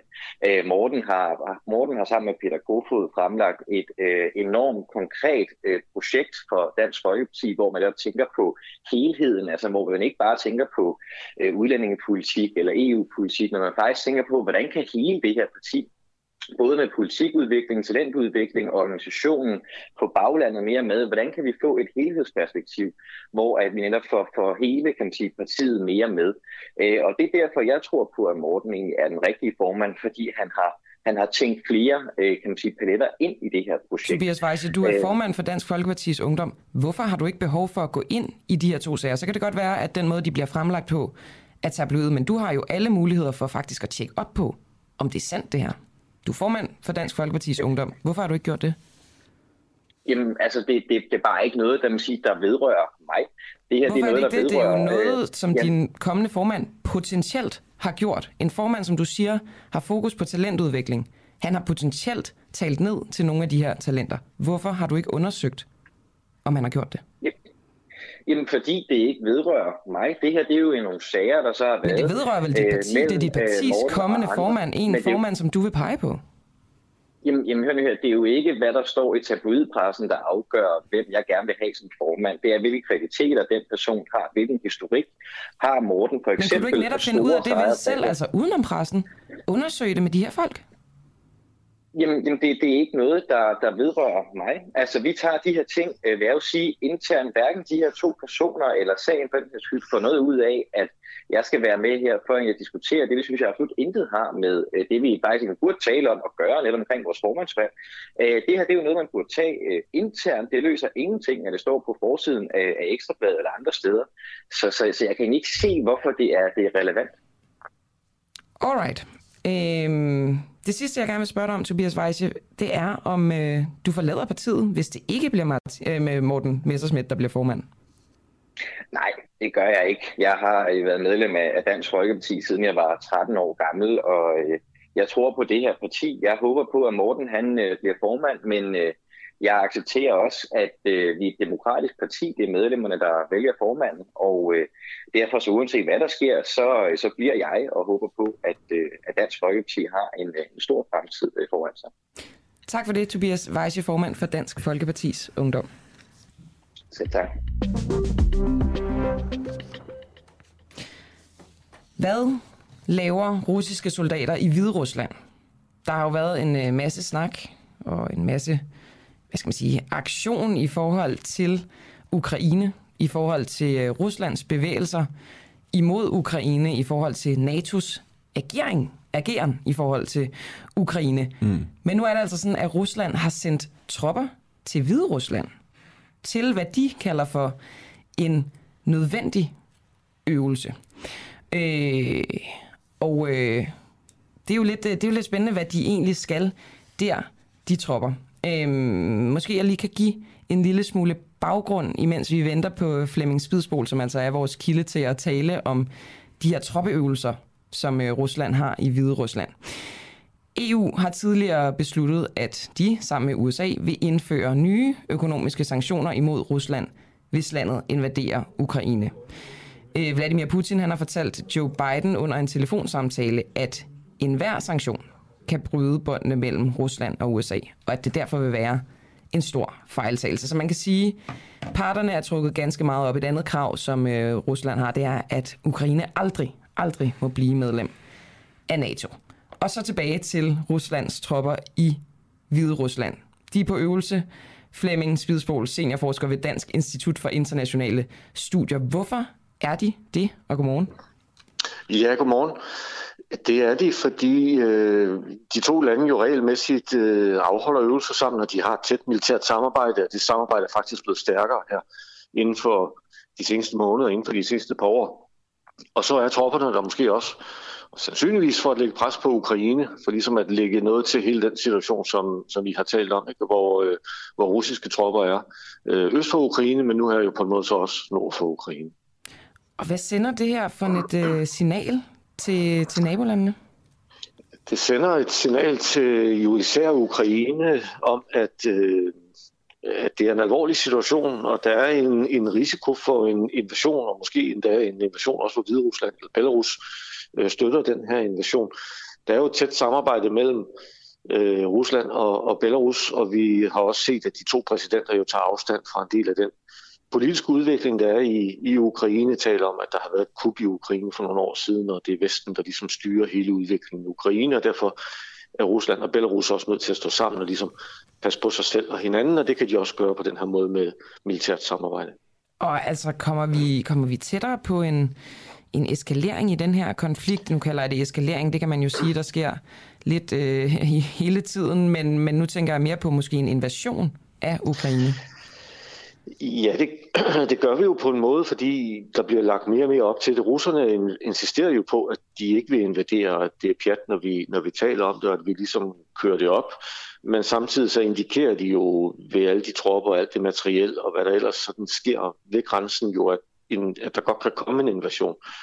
Og, og samtidig skal vi selvfølgelig huske, at der er et, et diplomatisk spil, og det kører stadigvæk. Der er forhandlinger i Genève i dag mellem udenrigsministerne fra USA og Rusland, og der kan vi jo håbe på, at, at de kan finde måske en form for, ikke en løsning, for det kommer ikke i dag, men måske finde et eller andet, som de kan arbejde videre med, og på den måde måske forsøge at undgå en hvad, militær konfrontation. Hvad kunne det for eksempel være, øh, Flemming Spydesbol? Vil det være en eller anden form for sådan, altså, at man giver nogle indrømmelser over for hinanden, og på den måde ligger, ligger konflikten lidt i bero, eller hvad, hvad, kan, det, hvad kan det være?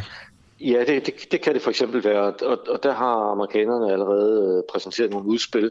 Dels nogle, hvor der er nogle, nogle øh, sådan fælles indrømmelser øh, eller begrænsninger. For eksempel begge sider måske siger, at vi vil afholde fra særlige typer øvelser. Vi vil sørge for at give ordentlig varsel, når vi laver øvelserne. Det kan være, at USA og Rusland stopper med at flyve med strategiske bombefly øh, på visse områder måske.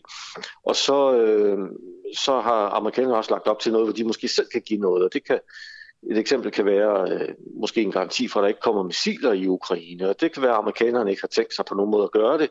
De tænker måske, det, det er der ikke nogen særlig grund til, så kan de lige så godt give en garanti til russerne om det.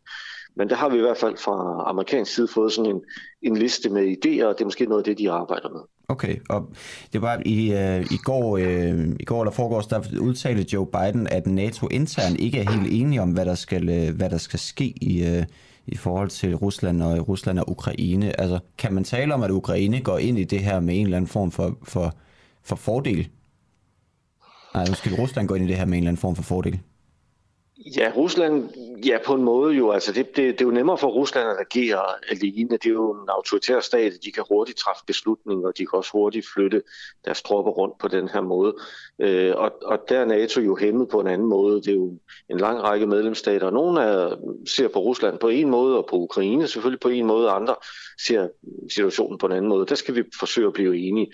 I sidste ende er det jo meget et spørgsmål om, hvad amerikanerne synes, og også noget om forholdet mellem Rusland og USA. Det er også derfor, at vi sidste uge så øh, separate forhandlinger mellem russerne og amerikanerne.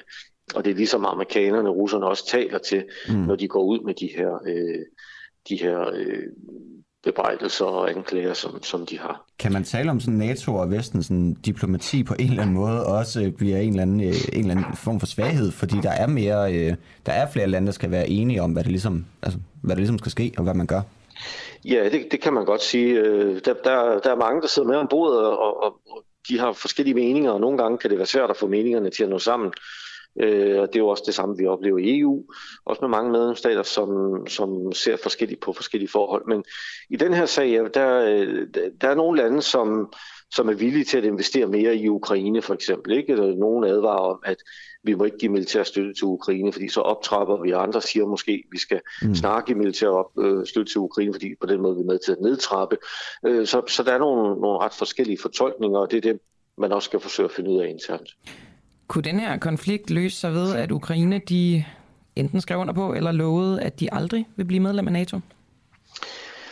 Ja, det, det vil i hvert fald tage en del af, af, af luften ud af, af konflikten. Der vil stadigvæk være noget konflikt. Der vil jo fortsat være spændinger i det østlige Ukraine, hvor vi har to områder, som forsøger at løsrive sig fra Ukraine, som er støttet af Rusland. Og, og hvor russiske tropper jo også står klar på en måde til at rykke ind. Og det vil ikke være anderledes. Men, men jo, det ville nok tage luften ud af, af den her konflikt. Men ukrainerne har jo sagt, at de ønsker at komme med i NATO. Øh, meget håndfast endda, og det er deres politiske mål. Øh, så så øh, det vil være vanskeligere for ukrainerne til det. Øh, men, øh, men jo, i, i princippet så har du ret. Hvis de nu øh, som giver sig der og siger, jamen det var nok en fejl, vi lover ikke at gøre det, det øh, skriver vi under på, så, så vil det tage en del af den konflikt. Og det vil vel i virkeligheden også øh, fritage NATO for at skulle insistere på, at de gerne må være medlem?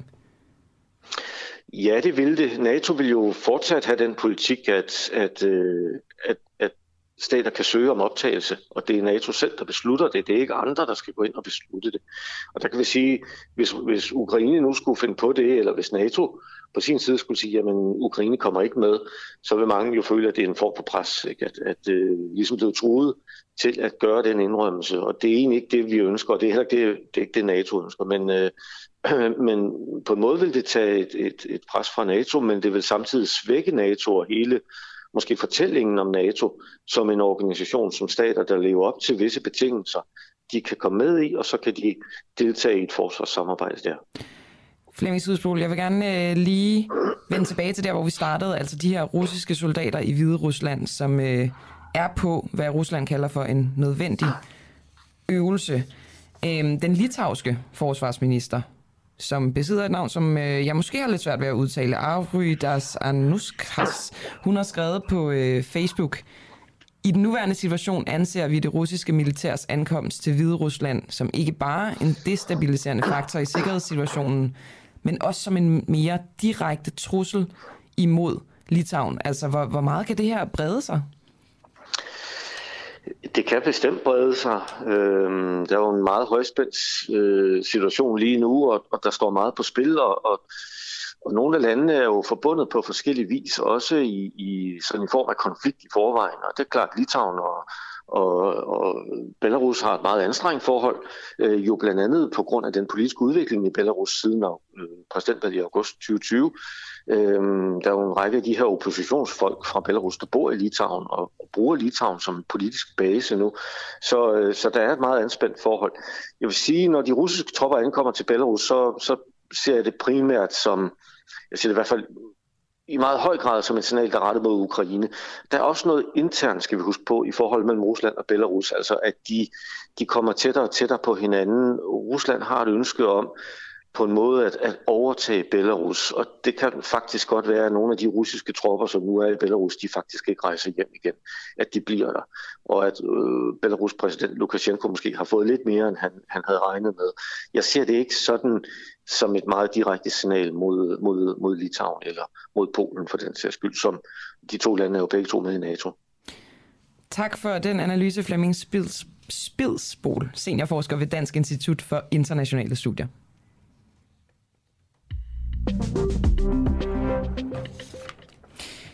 Kan hjertepatienter have været i risiko for at dø? I risiko for at dø på grund af en fejl i sundhedsplatformen, eller nærmere bestemt på grund af en fejl i en algoritme, som er blevet implementeret i sundhedsplatformen, fordi en fejl i den her algoritme fra 2016 kan betyde, at man har øh, misset eller begået for mange hjerteoperationer. Øh, den her algoritme, den hedder Euroscore 2, og den er blevet introduceret sådan i, i daglig praksis tilbage i 2019. Men fejlen i algoritmen, den blev først opdaget den 11. oktober 2021. Og for lige at give lidt baggrund på det her Euroscore-algoritme, så er det en risikomodel, som ligesom laver en beregning af dødsrisikoen efter en hjerteoperation. Og øh, modellen den beder sig om 17 oplysninger om patienten, om hjertets tilstand, og den foreslåede operation, og bruger så logisk regression til at øh, beregne dødsrisikoen. det bruger man altså sammen med den her sådan, øh, menneskelige vurdering, som man jo laver på sådan nogle lægefaglige konferencer. Nu har vi Christian Antonsen, der er tidligere formand i det, der hedder APS-teamet, Akut patientsikkerhedsteamet, som er den arbejdsgruppe, som arbejdede med Euroscore 2. Og Christian, hvorfor skulle der gå fem år, før den her fejl den bliver opdaget? Ja, godmorgen. Godmorgen. Øh, der, der gik fem år, fordi øh, de første tre år, øh, hvor den lå i, i sundhedsplatformen fra det, det første hospital begyndte i 2016, der gik frem til, til 2019, øh, før den øh, blev implementeret i klinisk brug. Så der har man altså kørt på papirversionen indtil da, eller en, måske på en, øh, på en IT-version, men som ikke var koblet op på sundhedsformen før 2019. Så det fra 2019 og frem har været i, i brug. Øhm, og så blev det øh, erkendt, at der var en kodefejl i forbindelse med noget, der hedder et, et øh, kode-review, øh, som øh, man gennemgik sammen med øh, leverandørerne af, af det her produkt Sundhedsplatformen, fordi der er kommet en ny MDR forordning hedder det, så tror jeg, det er kraft i 2021, øh, der siger, at, at der skal laves nogle reviews, og ved den lejlighed kan de her to kodefejl øh, erkendt. Christian, jeg skal lige hurtigt øh, sige, der er, lidt, der er en lille smule dårlig lyd på dig. Har du mulighed for enten at skrue op øh, for din telefon? Det er jeg ked af at høre. Øhm. Det er bare, det, er, det, det, det virker, det er jeg ret vigtigt. Tage... Det, er, meget, det er bedre okay. nu. Det er bedre nu. Okay, det er godt. Jeg har også henvendt vinduet. Dejligt. Ja. Og så kan jeg måske spørge dig, Christian. Du siger, øh, den bliver først introduceret sådan i, i praksis i 2019, men der går jo stadig ja. de her to år. Så, og så siger ja. du, at den er blevet opdaget øh, på grund af den her MDR-lovgivning fra, fra EU. Ja. Men hvorfor opdagede I den ikke langt før? Øhm, ja, altså det, det, det lidt frække svar er måske, fordi den, og, og det var jo, det kan man jo så sige er et held, men det er nok fordi, den har haft øh, meget lidt klinisk konsekvens gående til en klinisk konsekvens. Så derfor er det jo, måske, kan man sige, at den er baseret øh, igennem upåagtet, fordi den simpelthen ikke har haft nogen betydning. Men det lyder jo i virkeligheden lidt skræmmende, at, at man ikke opdager noget med mindre, at det har en klinisk konsekvens. Og øh, ja, men når, altså, når vi taler øh, kliniske konsekvenser, så kan det jo for eksempel ja. være et dødsfald. Ja, øh, så er den blevet opdaget tidligere, vil mit bud være. Uh, men, men altså, det er jo fordi, at, at der er den her nye forordning, der siger, at, at vi skal øh, gennemgå de her øh, i forhold til den her NDR-forordning. Altså, der er ingen tvivl om, at, at, at, at det har vi jo også udtalt øh, helt klart og tydeligt, at vi er rigtig kede af, at der sker de her kodefejl, og der er selvfølgelig et, et arbejde med EPIC, som ligger lidt ude for mit område, men hvor man hele tiden sikrer, at der bliver tjekket og gentjekket og dobbelttjekket på øh, de her kommuner, når de er lavet. Men var det ikke jeres, jeres opgave ligesom at, at, at tjekke det også før den her MDR-lovgivning? Jo, men det er der jo også. Altså, jeg var da stærkt ud fra, at der er blevet tjekket, da man lavede kodningen. Øh, og hvordan det så sker, at, at der trods alle de sikkerhedsforanstaltninger, der er, at der alligevel er en fejl, der går igennem, det kan kun beklage. Og øh, nu siger du det her med, altså grunden, en af grundene til, at fejlen ikke er blevet opdaget, det er fordi, der ikke har været nogen øh, kliniske konsekvenser. Kan du garantere, at der ikke er sket fejl, altså kliniske konsekvenser, i værste fald menneskeliv? Ja, det kan jeg. Hvordan kan du altså, det? Vi har, det kan jeg, fordi vi har gennemgået samtlige de cases, der er, er berørt af det her. Øhm, og det er gennemgået af, af specialister, dem der arbejder med det til dagligt. Og øh, der er ikke nogen af dem, der skulle opereres i fremtiden, altså stod og ventede og var blevet scoret i systemet, hvor man ændrede planen for deres operation, og der er ikke nogen af dem, der er blevet opereret, hvor man kan se, at det har haft nogen som helst øh, betydning. Altså det, det, man skal prøve at forstå også, hvad, hvad, hvad sådan en score bliver brugt til, og det, det er jo ikke sådan, at man regner en euroscore ud, og så siger man, fint, vi opererer, eller nej, vi opererer ikke. Den indgår sammen med en lang række andre ting i en samlet vurdering, og der lægger man jo langt mere vægt på, hvad skal man sige, den kliniske vurdering, hvordan har patienten det, er det overhovedet det rigtige at gøre her. Så det er ikke en, en øh, go-no-go-score, som, som ligesom siger, det, det kan vi, det kan vi ikke. Det er, det er et støtteredskab, og det bliver brugt på den måde. Og det er altså ikke den, der afgør, om man bliver opereret eller ej. Og, og kan patienter, nu, nu fortæller du, at der er kommet den her MDR-lovgivning. Kan patienter stole på, at de ikke vil blive fejlvurderet i forbindelse med hjerteoperationer i fremtiden? Ja. Altså, nu gentager jeg, det, det er ikke den, der afgør det. Altså, man bruger Euroscoren til, til flere forskellige ting. Det er dels en guideline, altså et støtteværktøj til at sige, at det er hensigtsmæssigt at tilbyde kirurgi, eller er det bedre, hvis det er muligt at tilbyde det, der hedder en ikke åben procedure. Det er jo sådan, at man, man nu om dagen, der kan man enten lave en, en bypass ved at, at sætte et, altså en åben kirurgi ved at sætte et stykke kar, en vene typisk ind forbi der, hvor der er en, en forsnævring i, i eller man kan vælge det, der hedder en ballonudvidelse, hvor man lægger kateter ind fra lysken eller fra øh, håndledet ind i en blodår, og så kommer man op til hjertet i gennemlysning i Og så finder man der, hvor forsnævringen er, og så sætter man en ballonudvidelse ind. Og måske sætter man bagefter en lille fjeder og en stent ind, så forsnævringen bliver holdt åben. De to muligheder er der, åben eller lukket behandling. Og det er jo også der, hvor man bruger jordskåren til at guide. Nogle gange til at sige, vil det være bedre at bruge et åbent eller et lukket indgreb. Ja. Og, og så er der nogle klapper. Der vil jeg lige tage færdigt, så er der nogle klapoperationer, hvor man kan vælge at lave en åben klapoperation, eller man kan vælge at lave en klapoperation, hvor man går ind på lysken indvendigt i blodkarret og sætter klappen ind der. Super smart, super teknisk.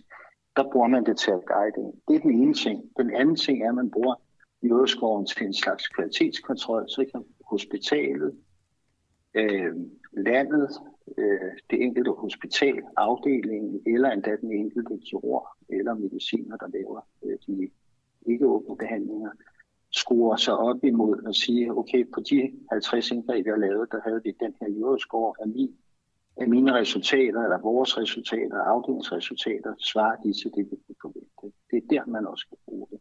Men det er altså ikke den eneste afgørende faktor langt fra, for man tilbyder behandling eller ej. Og til allersidst, inden jeg slipper dig, Christian Antonsen. Ja. Hvis ja. ansvar var det, at denne her fejl den øh, kunne stå i to år uden at blive opdaget? Du ved, sejren har en, nederlaget har mange bedre. Øh, der er nok flere øh, ansvarlige. Der er selvfølgelig er det en, en kodefejl, og dermed har der siddet nogle koder i, i, i det system, altså i Epic, der laver det, der er kodet forkert. Øh, og det er der, fejlen skulle ikke ske. Og der bliver arbejdet rigtig meget på at undgå den type af kodefejl i fremtiden. Tak for det, Christian Antonsen, hospitaldirektør i direktionen for Bispebjerg og Frederiksberg Hospital, og tidligere formand for APS-teamet. Fordi du var med til at forklare om det her Euroscore. Ja, ja. ja, det var så lidt. Tak. Lige om lidt, der undersøger vi, om der er et nyt folkemord på vej i, øh, i Europa, og det er simpelthen fordi den bosnisk-serbiske nationalistiske leder Milorad Dodik, øh, han skaber frygt for ny krig på, øh, på Balkan. Uh, efter sine er han i gang med at genoprette en her, der begik, begik folkemord på Balkan i 1990'erne. Det er altså det gamle det gamle Jugoslavien, vi, øh, vi snakker om her. Ulrik Kohl, han kommer faktisk ind i studiet lige om, øh, lige om øh, et øjeblik. Jeg tænker, at vi laver en flyvende udskiftning, Nikolaj. Hvis ja. du øh, forlader din stol, det gør jeg med det så øh, kan vi skynde os altså at få Ulrik Kohl ind i studiet til at fortælle om det her. Godmorgen, Ulrik. Godmorgen. Altså journalist. tak for invitationen. Jamen, det var da så lidt, altså journalist og medlem af Enhedslisten, og som jeg kan forstå det, bosat i Bosniens hovedstad, Sarajevo.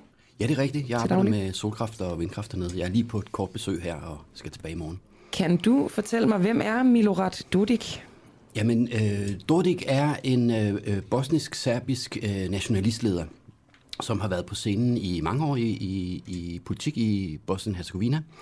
Øhm, og han er... Øh, øh, jo øh, øh, manden bag den her plan om at øh, løsrive en del af, af Bosnien øh, i løbet af de næste øh, kommende måneder. Så det handler om en plan om at oprette øh, en egen hær, oprette sit eget retssystem, oprette sit eget skattevæsen, altså i praksis en, en, en løsrivelse. Og hvorfor vil han det? Jo, men altså han er jo øh, en øh, mand, som har rigtig mange anklager om korruption hængende over hovedet. Øhm, der er mange, øh, der ser ham som en, som først og fremmest er interesseret i at, at, at fylde sine egne lommer.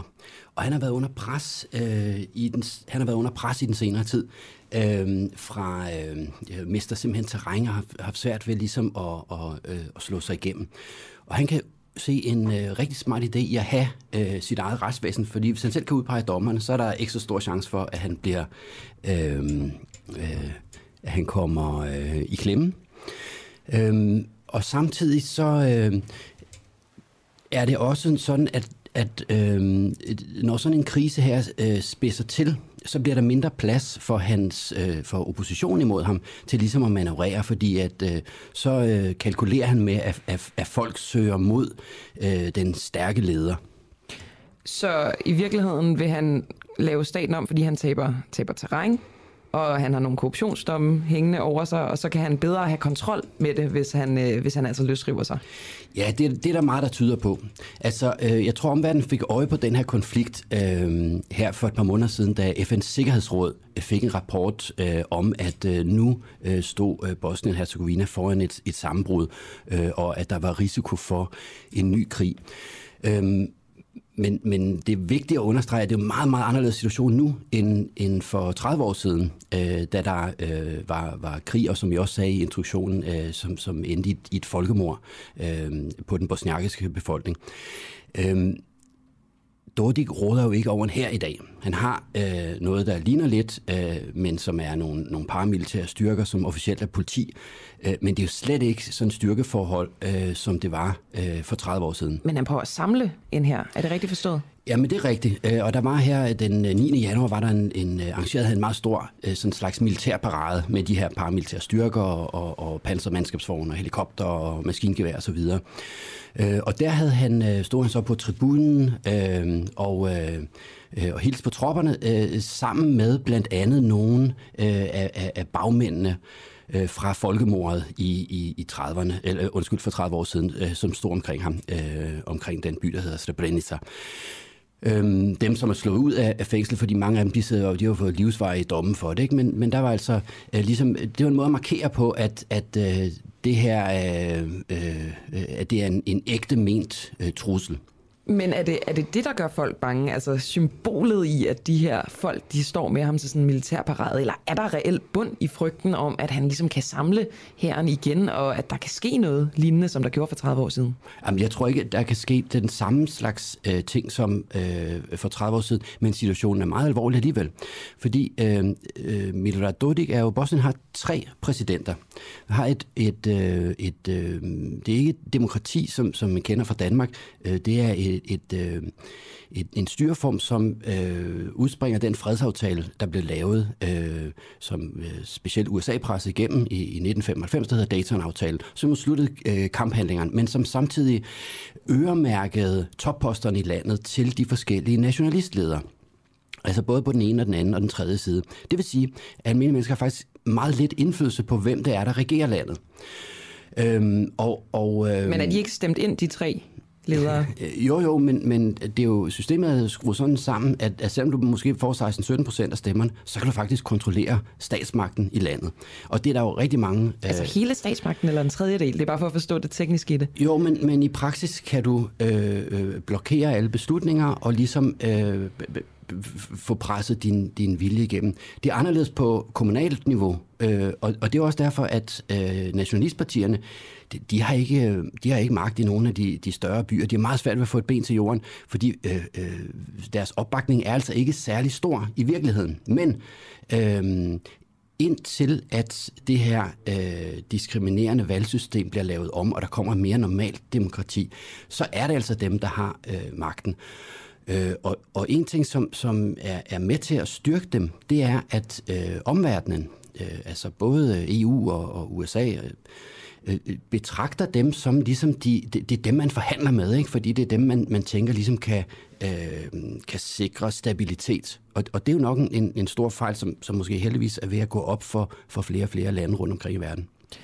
Men hvordan, øh, nu siger du, at et demokrati vil kunne, kunne løse mange ting står vi over for, at de ligesom omgør deres system til at ligne noget af det, vi for eksempel kender fra Danmark? Jamen, det, det, befolkningen i Bosnien og Herzegovina, de, de har meget lille indflydelse på det. Øhm, det kræver, øh, at øh, man, man laver om på de aftaler, som det internationale samfund var med til at presse igennem omkring øh, fredsafslutningen. Øh, man kan sige, at Bosniens grundlov, den, den er simpelthen bygger på den øh, fredsaftale. Og EU kunne godt spille en rigtig stor rolle, fordi EU har en rolle som at være dem, der ligesom følger op på, hvordan går det med den øh, fredsaftale. Så det kræver altså nogen udefra øh, øh, spiller med og siger, ja, vi skal have lavet om på den forfatning, så øh, den ikke øh, diskriminerer. Men hvem er det helt konkret, der kan ændre forfatningen? Er det altså EU, der står med magt til at ændre Bosnien-Herzegovinas forfatning, eller, eller er det NATO, eller er det bare for at sådan komme helt ned i det? Hvem er det? Ja, altså det er jo øh, måske verdens mest indviklede øh, øh, politiske system, der er i Bosnien. Topfiguren er en øh, mand, der er øh, i praksis altid udpeget af øh, EU. I dag er det en øh, tysker, der hedder Schmidt. Øh, han har titlen af at være den høje repræsentant. Og han kan simpelthen skrive en lov. Øh, den øh, skriver han bare ned, så sender han den afsted på en e-mail øh, til lovtidene, så er det det, der gælder. Den skal ikke diskuteres i parlamentet eller noget. Så det er simpelthen topfiguren, er en form for øh, slags øh, international guvernør eller, eller, eller, øh, øh, eller visekong, eller hvad vi skal kalde det. Øhm, og det er jo selvfølgelig ikke holdbart i længden, men sådan har det så fungeret indtil nu. Øh, ikke særlig godt, og, og det er derfor, at, at EU har ligesom rigtig stor indflydelse på øh, at, at, at få lavet øh, systemet om og få det demokratiseret. Men EU har også rigtig stor indflydelse i og med, at man gennem mange år har man øh, støttet forskellige udviklingsprojekter, bygget motorveje osv. osv. Øh, infrastruktur i Bosnien. Og de penge er jo kanaliseret gennem hænderne på øh, lederne af de øh, nationalistiske partier, som har sørget for os selv at stikke øh, penge i lommen på det, og på den måde er blevet styrket. Så EU har indirekte bidraget til korrupte ledere i Bosnien i virkeligheden? Det, det, det, det er simpelthen det, der er sket. Øhm. Og hvor opmærksom er EU på det her? Både at de har ligesom en magt til at ændre øh, tingenes gang, men også at de har været med til at bidrage til tingenes gang indtil videre.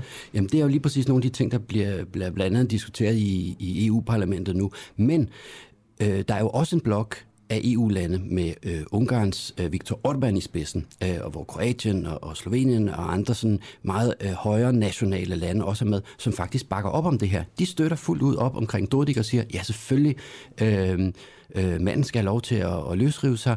Vi støtter op om det, og vi vil blokere et hvert forsøg fra EU's side på ligesom at få ham til at... Og kræver det et enigt EU at få det lavet om? Øh, hvis det gør det, så øh, ser fremtiden i hvert fald øh, sort ud. Altså, så derfor er det der er nød, nødvendigt, det er jo politik, øh, så det er nødvendigt, at der er nogle lande, der måske går forrest, og, og, og hvorfor skulle Danmark ikke også kunne spille en positiv rolle her?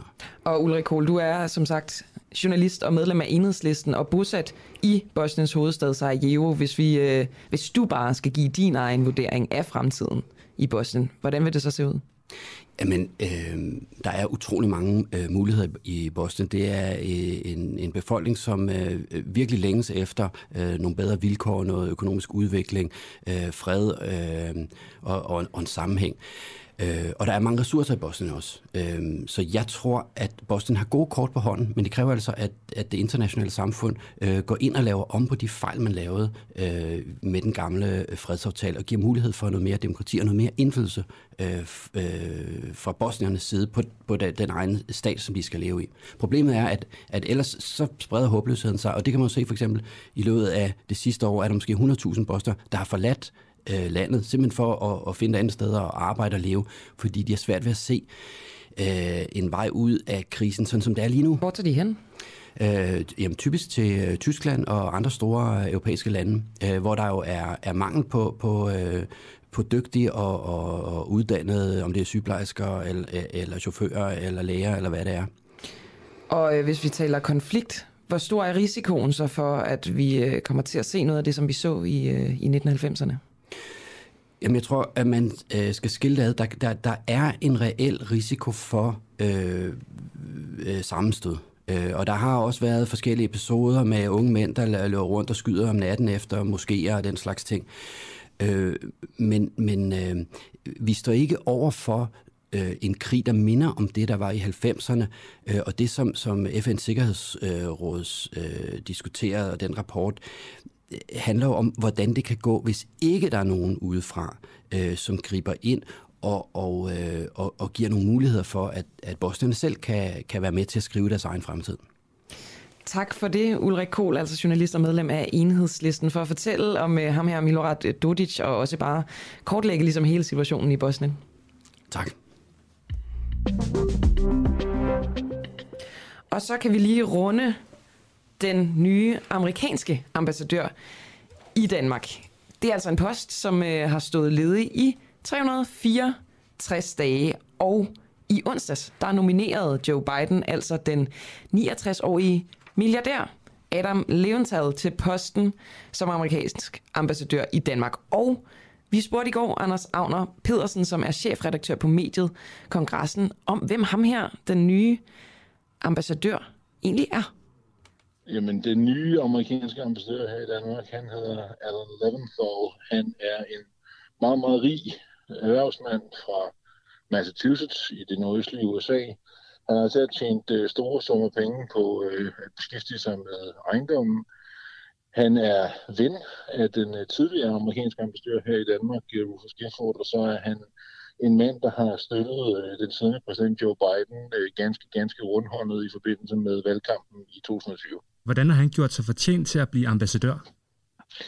Jeg vil sige, at Alan Leventhals øh, nominering nu er ikke så frygtelig meget anderledes, hvad angår øh, dem, der normalt bliver tilbudt ambassadørposten her i Danmark. Det er som regel sådan, at dem, som undervejs i en præsidentvalgkamp har støttet den kandidat, der så ender med at vinde på den ene eller på den anden fasong, bliver tilbudt en eller anden form for belønning, så at sige, eller i hvert fald en eller anden form for tak for hjælpen.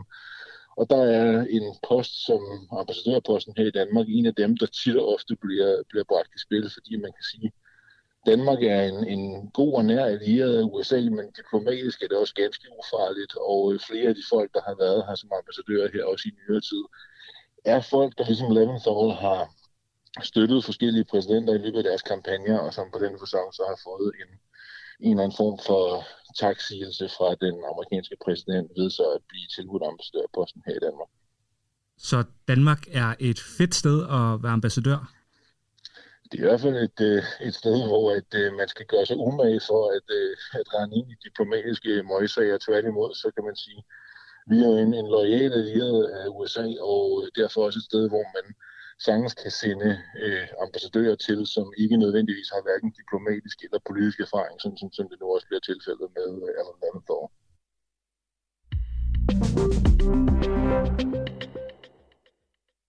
Så noget ud på mig. Tak for det, Camilla. Klokken er blevet 8.43. Øh, Vi nærmer os hastigt øh, afslutning på udsendelsen. Hvordan blev den 27-årige nordjyske mand, der er tiltalt for at planlægge skoleskyderier, opdaget? I mandags der startede altså den her retssag mod den 27-årige nordjyske mand, som er tiltalt for at planlægge skoleskyderier. Manden beskriver sig selv som en såkaldt incel, og skrev åbent om sit had til øh, kvinder på online øh, fora. Og øh, i går der snakkede min kollega Clara Vind med Christian Sketrup, der altså er analytiker i foreningen Digitalt Ansvar. Han var indkaldt som vidne ved, øh, ved retten i Aalborg, da han øh, anmeldte den 27-årige mand tilbage i 2020. Og i det klip, du skal høre nu, der spørger vi ham, hvor han første gang stødte på den 27-årige nordjyske mand. Første gang vi støder på øh, brugeren, øh, hvor det så senere er kommet frem, at det er den 27-årige, Jamen det er i sommeren 2019. Kan du øh, sige noget om, hvad han skrev i det, i det første opslag, I så? Øhm, altså, øh, vores anmeldelse øh, af den her bruger, den kommer på baggrund af en masse forskellige ting. Altså man, øh, man kan sige, i virkeligheden så er det et digitalt puslespil. Altså der var flere forskellige ting, flere forskellige digitale brækker, der til sammen dannede et et billede, som, som var meget bekymrende. Øh, og, og det var på den baggrund, at vi anmeldte vedkommende. Og, og hvad, hvad var, øh, var der noget, der fik bæret til at flyde over, hvor I tænkte, at det er nu, vi skal handle og anmelde ham? Altså, der var, i virkeligheden, så, så kan man jo sige, at, at der var en person, som havde et ekstremt had øh, rettet mod kvinder. Det var også en person, som man kunne se havde ekstremt ondt i sjælen. Øh, og så er det, så er det, altså så, så er det også bare herinde, der sker der en diskussion om, og der eksisterer en diskussion om, og en fascination af, af, af våben simpelthen. Øh, og de tre ting til sammen, jamen det er en farlig cocktail. Det var i hvert fald vores vurdering, og det var på den baggrund, at vi anmeldte vedkommende. Så, så I kunne også se ud fra hans opslag, at det var en person, der var i besiddelse af våben? Øhm, altså det, det, vi, det vi kunne se var, at der var en, en ekstrem fascination af våben. Okay. Øhm, jeg, jeg, jeg ved ikke lige, hvor meget, hvor, hvor konkret jeg vil gå ned i det, men, men altså, det var i hvert fald en, der, var, der eksisterede i hvert fald en fascination på våben. Okay, jeg kan også se øh, i, øh, i vidneforklaringen, han har kommet med i retssalen, der er jo en af de ting, øh, der han har skrevet, det er, jeg fucking hader piger, muligvis mere end nogen andre. Er det, er det typisk, at man skriver det i de forums? i den her incel-verden, der eksisterer der en ekstrem voldsom retorik. Øh, og, og det er nogle, nogle ret øh, hardcore ting, der bliver skrevet derinde. Og der er ikke nogen tvivl om, at dem, der skriver de her ting, jamen de er vrede. Øh, og det kommer altså til udtryk blandt andet på den, på, på den måde, som, som du lige har forklaret det. Okay, så det er faktisk næsten øh, en mild formulering, man næsten kan sige, at han kommer med her, i forhold til hvilken øh, anden retorik, man plejer at bruge derinde. Nej, det, det ved jeg ikke. Altså, det er jo gennemsyret af et, et, et ekstremt had øh, og en ekstrem vrede, øh, det her sted. Så du ham, da du selv var til afhøring øh, derinde? Jamen altså, det er jo sådan, når man sidder til, til en vidneforklaring, så sidder anklagemyndigheden på den ene side, øh, og forsvaren øh, med den tiltalte på den anden side. Hvordan var, det, øh, så, så, øh, hvordan var det at se ham, efter I har fulgt ham i så lang tid? Jamen, det, det, det tror jeg ikke, jeg nogen, har nogen sådan videre kommentarer til i virkeligheden. Altså, det, det jeg synes bare, det, det understreger jo lidt det her med, hvor vigtigt det er, at vi tager digital vold alvorligt. Fordi, øh, altså, det, det, hvis, ikke, hvis ikke de her ting de bliver spottet i tide, jamen så ender det ud i, i, i, i, i, i, i forfærdelige ting, eller kan ende ud i forfærdelige ting. Øh, og det understreger den her sag jo. Hvad kan det ende ud i? Jamen altså, digital vold har øh, meget virkelige konsekvenser. Det ser vi øh, både i sager om ulovlig billeddeling, altså i sager, hvor, hvor folk får delt privat, intimt materiale for eksempel. Det er jo folk, der sidder tilbage med psykiske øh, konsekvenser som PTSD. Øh, men, men der er altså også, digital vold er altså også online radikalisering, øh, hvor folk de ender ud i sådan nogle ekstreme miljøer. Og der kan vi jo kunne se historisk, at selvudnævnte incels, de har begået angreb. Øh, det har vi både set i Canada, og vi har set det i USA. Skal I nogensinde kommunikere med dem, når I overvåger dem inde på de her forums? Skriver I så med dem, eller skriver I selv på opslagene? Nej, nej, altså det, og det er jo også, altså, vi anmeldte jo øh, den her person, fordi nu kunne vi konstatere, at der var altså øh, noget, der var ud over det sædvanlige. Øh, og vi anmeldte det ligesom, at hvis man øh, havde set noget, noget øh, suspekt foregå på gaden, øh, og det, det var, så, så på den måde, så, så gjorde vi det, som alle bør gøre, hvis de ser noget suspekt, eller noget, som er, er, er ubehageligt ud over det sædvanlige. Hvad skal man gøre med, med, med de personer, som, øh, som er på de her incel-forums? Hvordan kan man, øh, hvordan kan man forebygge det? Jamen, det, det, det, det er svært for mig at komme med et konkret bud på. Jeg er jo digital analytiker, kan man sige. Mm. Øhm, men jeg tror, et godt sted at starte, det er, at vi får sat digital vold på dagsordenen. At vi, vi finder ud af, okay, hvordan skal vi håndtere de her ting? Øhm, og så tror jeg også bare, at det er vigtigt at understrege, at de ting, der foregår på nettet, de er virkelige. Altså, de har virkelige konsekvenser. En gang der eksisterede der en idé om, at der fandtes en digital øh, og en analog verden. Men sådan ligger landet ikke længere. Altså, vi, der findes en verden, og den er i høj grad blevet digital. Øh, og derfor bliver vi også nødt til at tage de ting, der foregår på nettet alvorligt. Den her sag viser jo med al tydelighed, at incel-fænomenet nu også eksisterer i Danmark. Digital ansvar, der er noget af det, jeg laver, jamen det er, at jeg kortlægger nye digitale tendenser. Øh, og jeg sidder også og prøver at afdække nogle af internettets skyggesider. Og incel-bevægelsen, eller incel-miljøet, jamen det er jo en af de her skyggesider ved internettet. Og det er også her, hvor jeg første omgang støder på, på øh, en bruger, som så senere, hvor det senere er kommet frem, at det er den 27-årige, øh, øh, som tiltalt nu. Hvad, hvad hedder brugeren? Øh, jamen, det er en af de store øh, forum, øh, eller fora, hvor, hvor at de her incels, de begår sig. Jeg vil ikke, jeg vil, nu vil jeg ikke nævne øh, navnet på ja. det, altså det må, ikke, det må ikke blive sådan en, en reklamesøjle for det pågældende forum. Yes. Øh, men det er en af de her fora, hvor der er en masse incels, der begår sig. Og det er et forum, der er dedikeret til snak om incelheden, eller øh, incel-miljøet som en helhed. Og, og der stod du simpelthen på øh, nogle kommentarer, er inde på øh, en, en specifik tråd? Øh, jamen altså, det, det man ligesom kunne se, det var, at, at han havde været ekstremt aktiv inde på, på, på det her forum. Øhm, og på mange måder, jamen så var han et billede på, på hele det her incel-miljø, som jo er kendetegnet ved et ekstremt kvindehad. Noget af det, der gennemsyrer det, det er det her, at der, der er rigtig mange misogyne kommentarer, øh, rigtig mange ubehagelige øh, udsagn om kvinder, der foregår også en hardcore, øh, kan man sige, dehumanisering, hvor, hvor kvinder de faktisk ikke bliver anset som mennesker. I, for eksempel i de her miljøer, der taler de om femoids, altså det er en sammensætning af female øh, og androids. Øh, netop fordi, at de, de ikke vil anerkende kvinder som mennesker, så objektiviserer de dem øh, i stedet, og dehumaniserer dem ved at bruge sådan nogle begreber. Ved, ved man, hvor det her øh, had til kvinderne kommer fra? Det er svært at sige sådan en konkret ting, hvor det stammer fra. Men noget af det, vi kan se, jamen det er jo, at der foregår en hardcore radikalisering.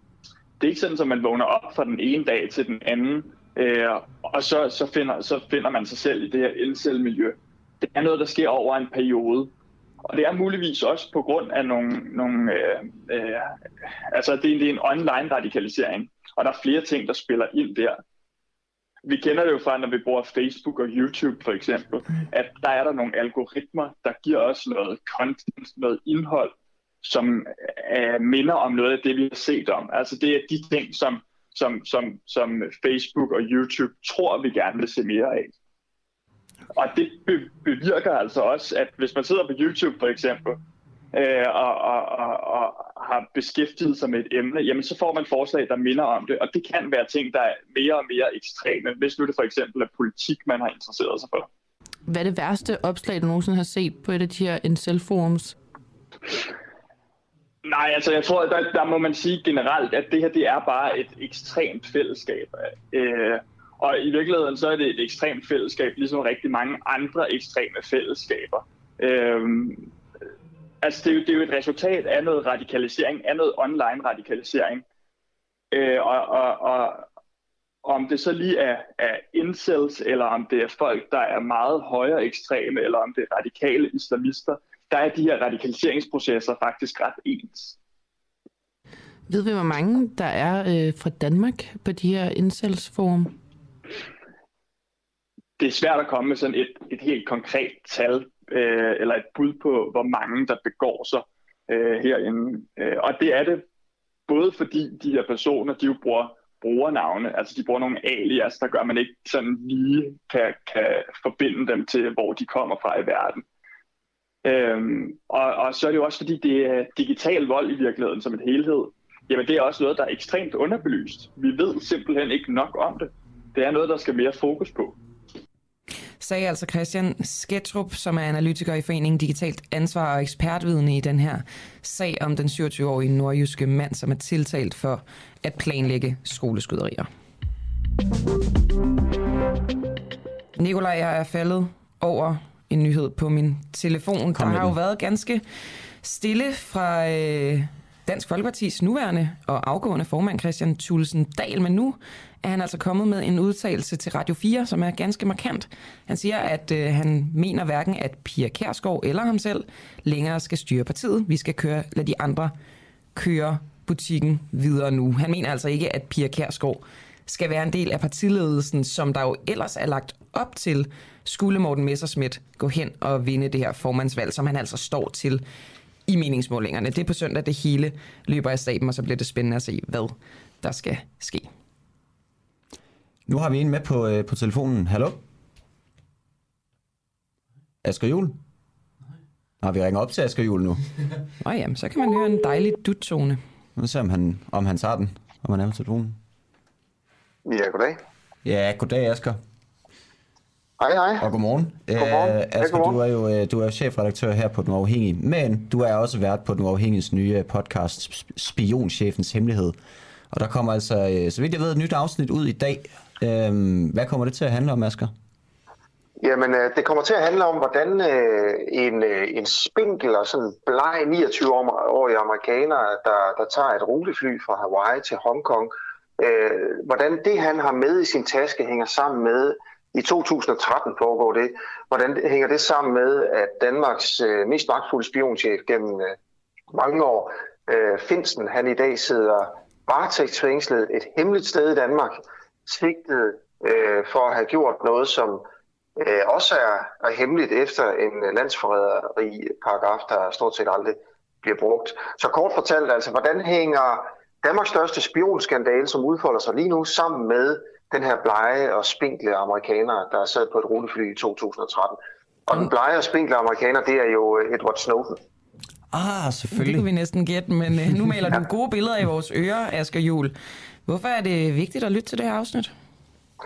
Jamen altså, hvis man, hvis, man må selv vurdere, om man synes, det er interessant at, at, at prøve at finde ud af, hvad den her undskyld, hvad den her spionskandale går ud på, og hvorfor Lars Finsen egentlig sidder i, i fængsel. Øh, det handler om, øh, om, om, altså, om spioner, og, men det handler også om, hvordan magten bliver brugt i, i Danmark, og hvem der får skylden, øh, når der sker noget, som, øh, som ikke tåler dagens lys. For eksempel øh, det her samarbejde, som jo blev afsløret af Edward Snowden, at Forsvarets efterretningstjeneste havde sammen med de amerikanske efterretningstjenester om at aflytte alle mulige, både danskere og udlændinge gennem danske kabler. Det var jo noget, der var en skandale og ikke så dagens lys. Hvem får så skyld? Mm. Og det er ikke altid dem, der får skylden, der har skyld. Sådan er det jo, øh, sådan det... er det jo ofte. Øh, Asger, hvem er, hvem er din øh, gæst i det her andet afsnit? Øhm, da, da Edward Snowden han, øh, han lander i Hongkong og, og begynder at fortælle sine historier til, øh, til The Guardian, den engelske avis, så skaber det overskrifter i hele Danmark. Og nogle af dem, der virkelig spidser ører, det er nogle øh, journalister på Information, blandt andet Anton Geis, der er indlandsredaktør, og det er ham, jeg interviewer. Han sidder altså der, da Snowden begynder at, at fortælle, og bare tænker en ting, jeg skal have fat i de der filer. Der er 1.500.000 filer, og han øh, rejser sammen med sine kolleger til Rio de Janeiro og overtaler den her Guardian-journalist, der hedder Greenwald, til at udlevere alle, øh, alle filerne. Så Altså handler det om, hvordan filer? han langsomt... 1 million 500 filer. Wow. Hvor- Hvordan øh, han langsomt, de, de langsomt begynder at kigge de her filer igennem, og hvad de finder lige så stille om det her øh, samarbejde. Og så handler det også om, hvad Geist mener sammenhængen er mellem, at Finsten sidder i fængsel, og så det, man finder dengang i 2000, i løbet af 2013 og 14. Det lyder jo ekstremt spændende. Øh, Asger, hvor, øh, hvis man gerne vil høre det her, hvor, øh, hvor, kan, man så, øh, hvor kan man så høre det henne? Vi lægger øh, øh, den, den her podcast op på vores app, altså den uafhængige app, som man bare kan gå ind og downloade gratis. Øh, Der ligger i øvrigt også øh, første afsnit, hvis man skulle være interesseret i at lytte til det. Det ligger der allerede, øh, hvor jeg interviewer Hans Jørgen Bonniksen, tidligere chef for politiets efterretningstjeneste, der fortæller blandt andet, at han selv brød sin tavshedspligt, øh, øh, mens han var aktiv. Og det er jo altså åbenbart ikke så usædvanligt, og det er jo også det Finsen, han er sigtet for, angiveligt. Altså øh, godt gang i den, i hvert fald i det afsnit, og sikkert også i det her. øh, Jeg ved i hvert fald, at Anton Geisen er en fremragende fortæller. Tak for det, Asger Juhl. Hvorfor har du ikke stillet op? Jeg gør det der hver eneste morgen, Ja, Nikolaj. det Det er fordi, det. vi har sådan nogle cuts, og, øhm, og der har vi også en slut jingle på, som jeg fabrilsk leder efter Ja, og lige mens du, øh, mens du leder, den, øh, leder efter den, så kan jeg fortælle, at øh, Oliver Nubbenau, han sad ude, øh, ude på knapperne, og jeg kan jo fortælle, at han har en meget spraglet og flot fredagsskjorte på, øh, på i dag. Næsten søndag, øhm, på Øhm, kamera. Ja, lige præcis. Øhm, vi sender igen øh, på mandag. Indtil videre er der ikke andet at sige. En øh, god weekend. Tak fordi I lyttede med, og øh, have en god fredag.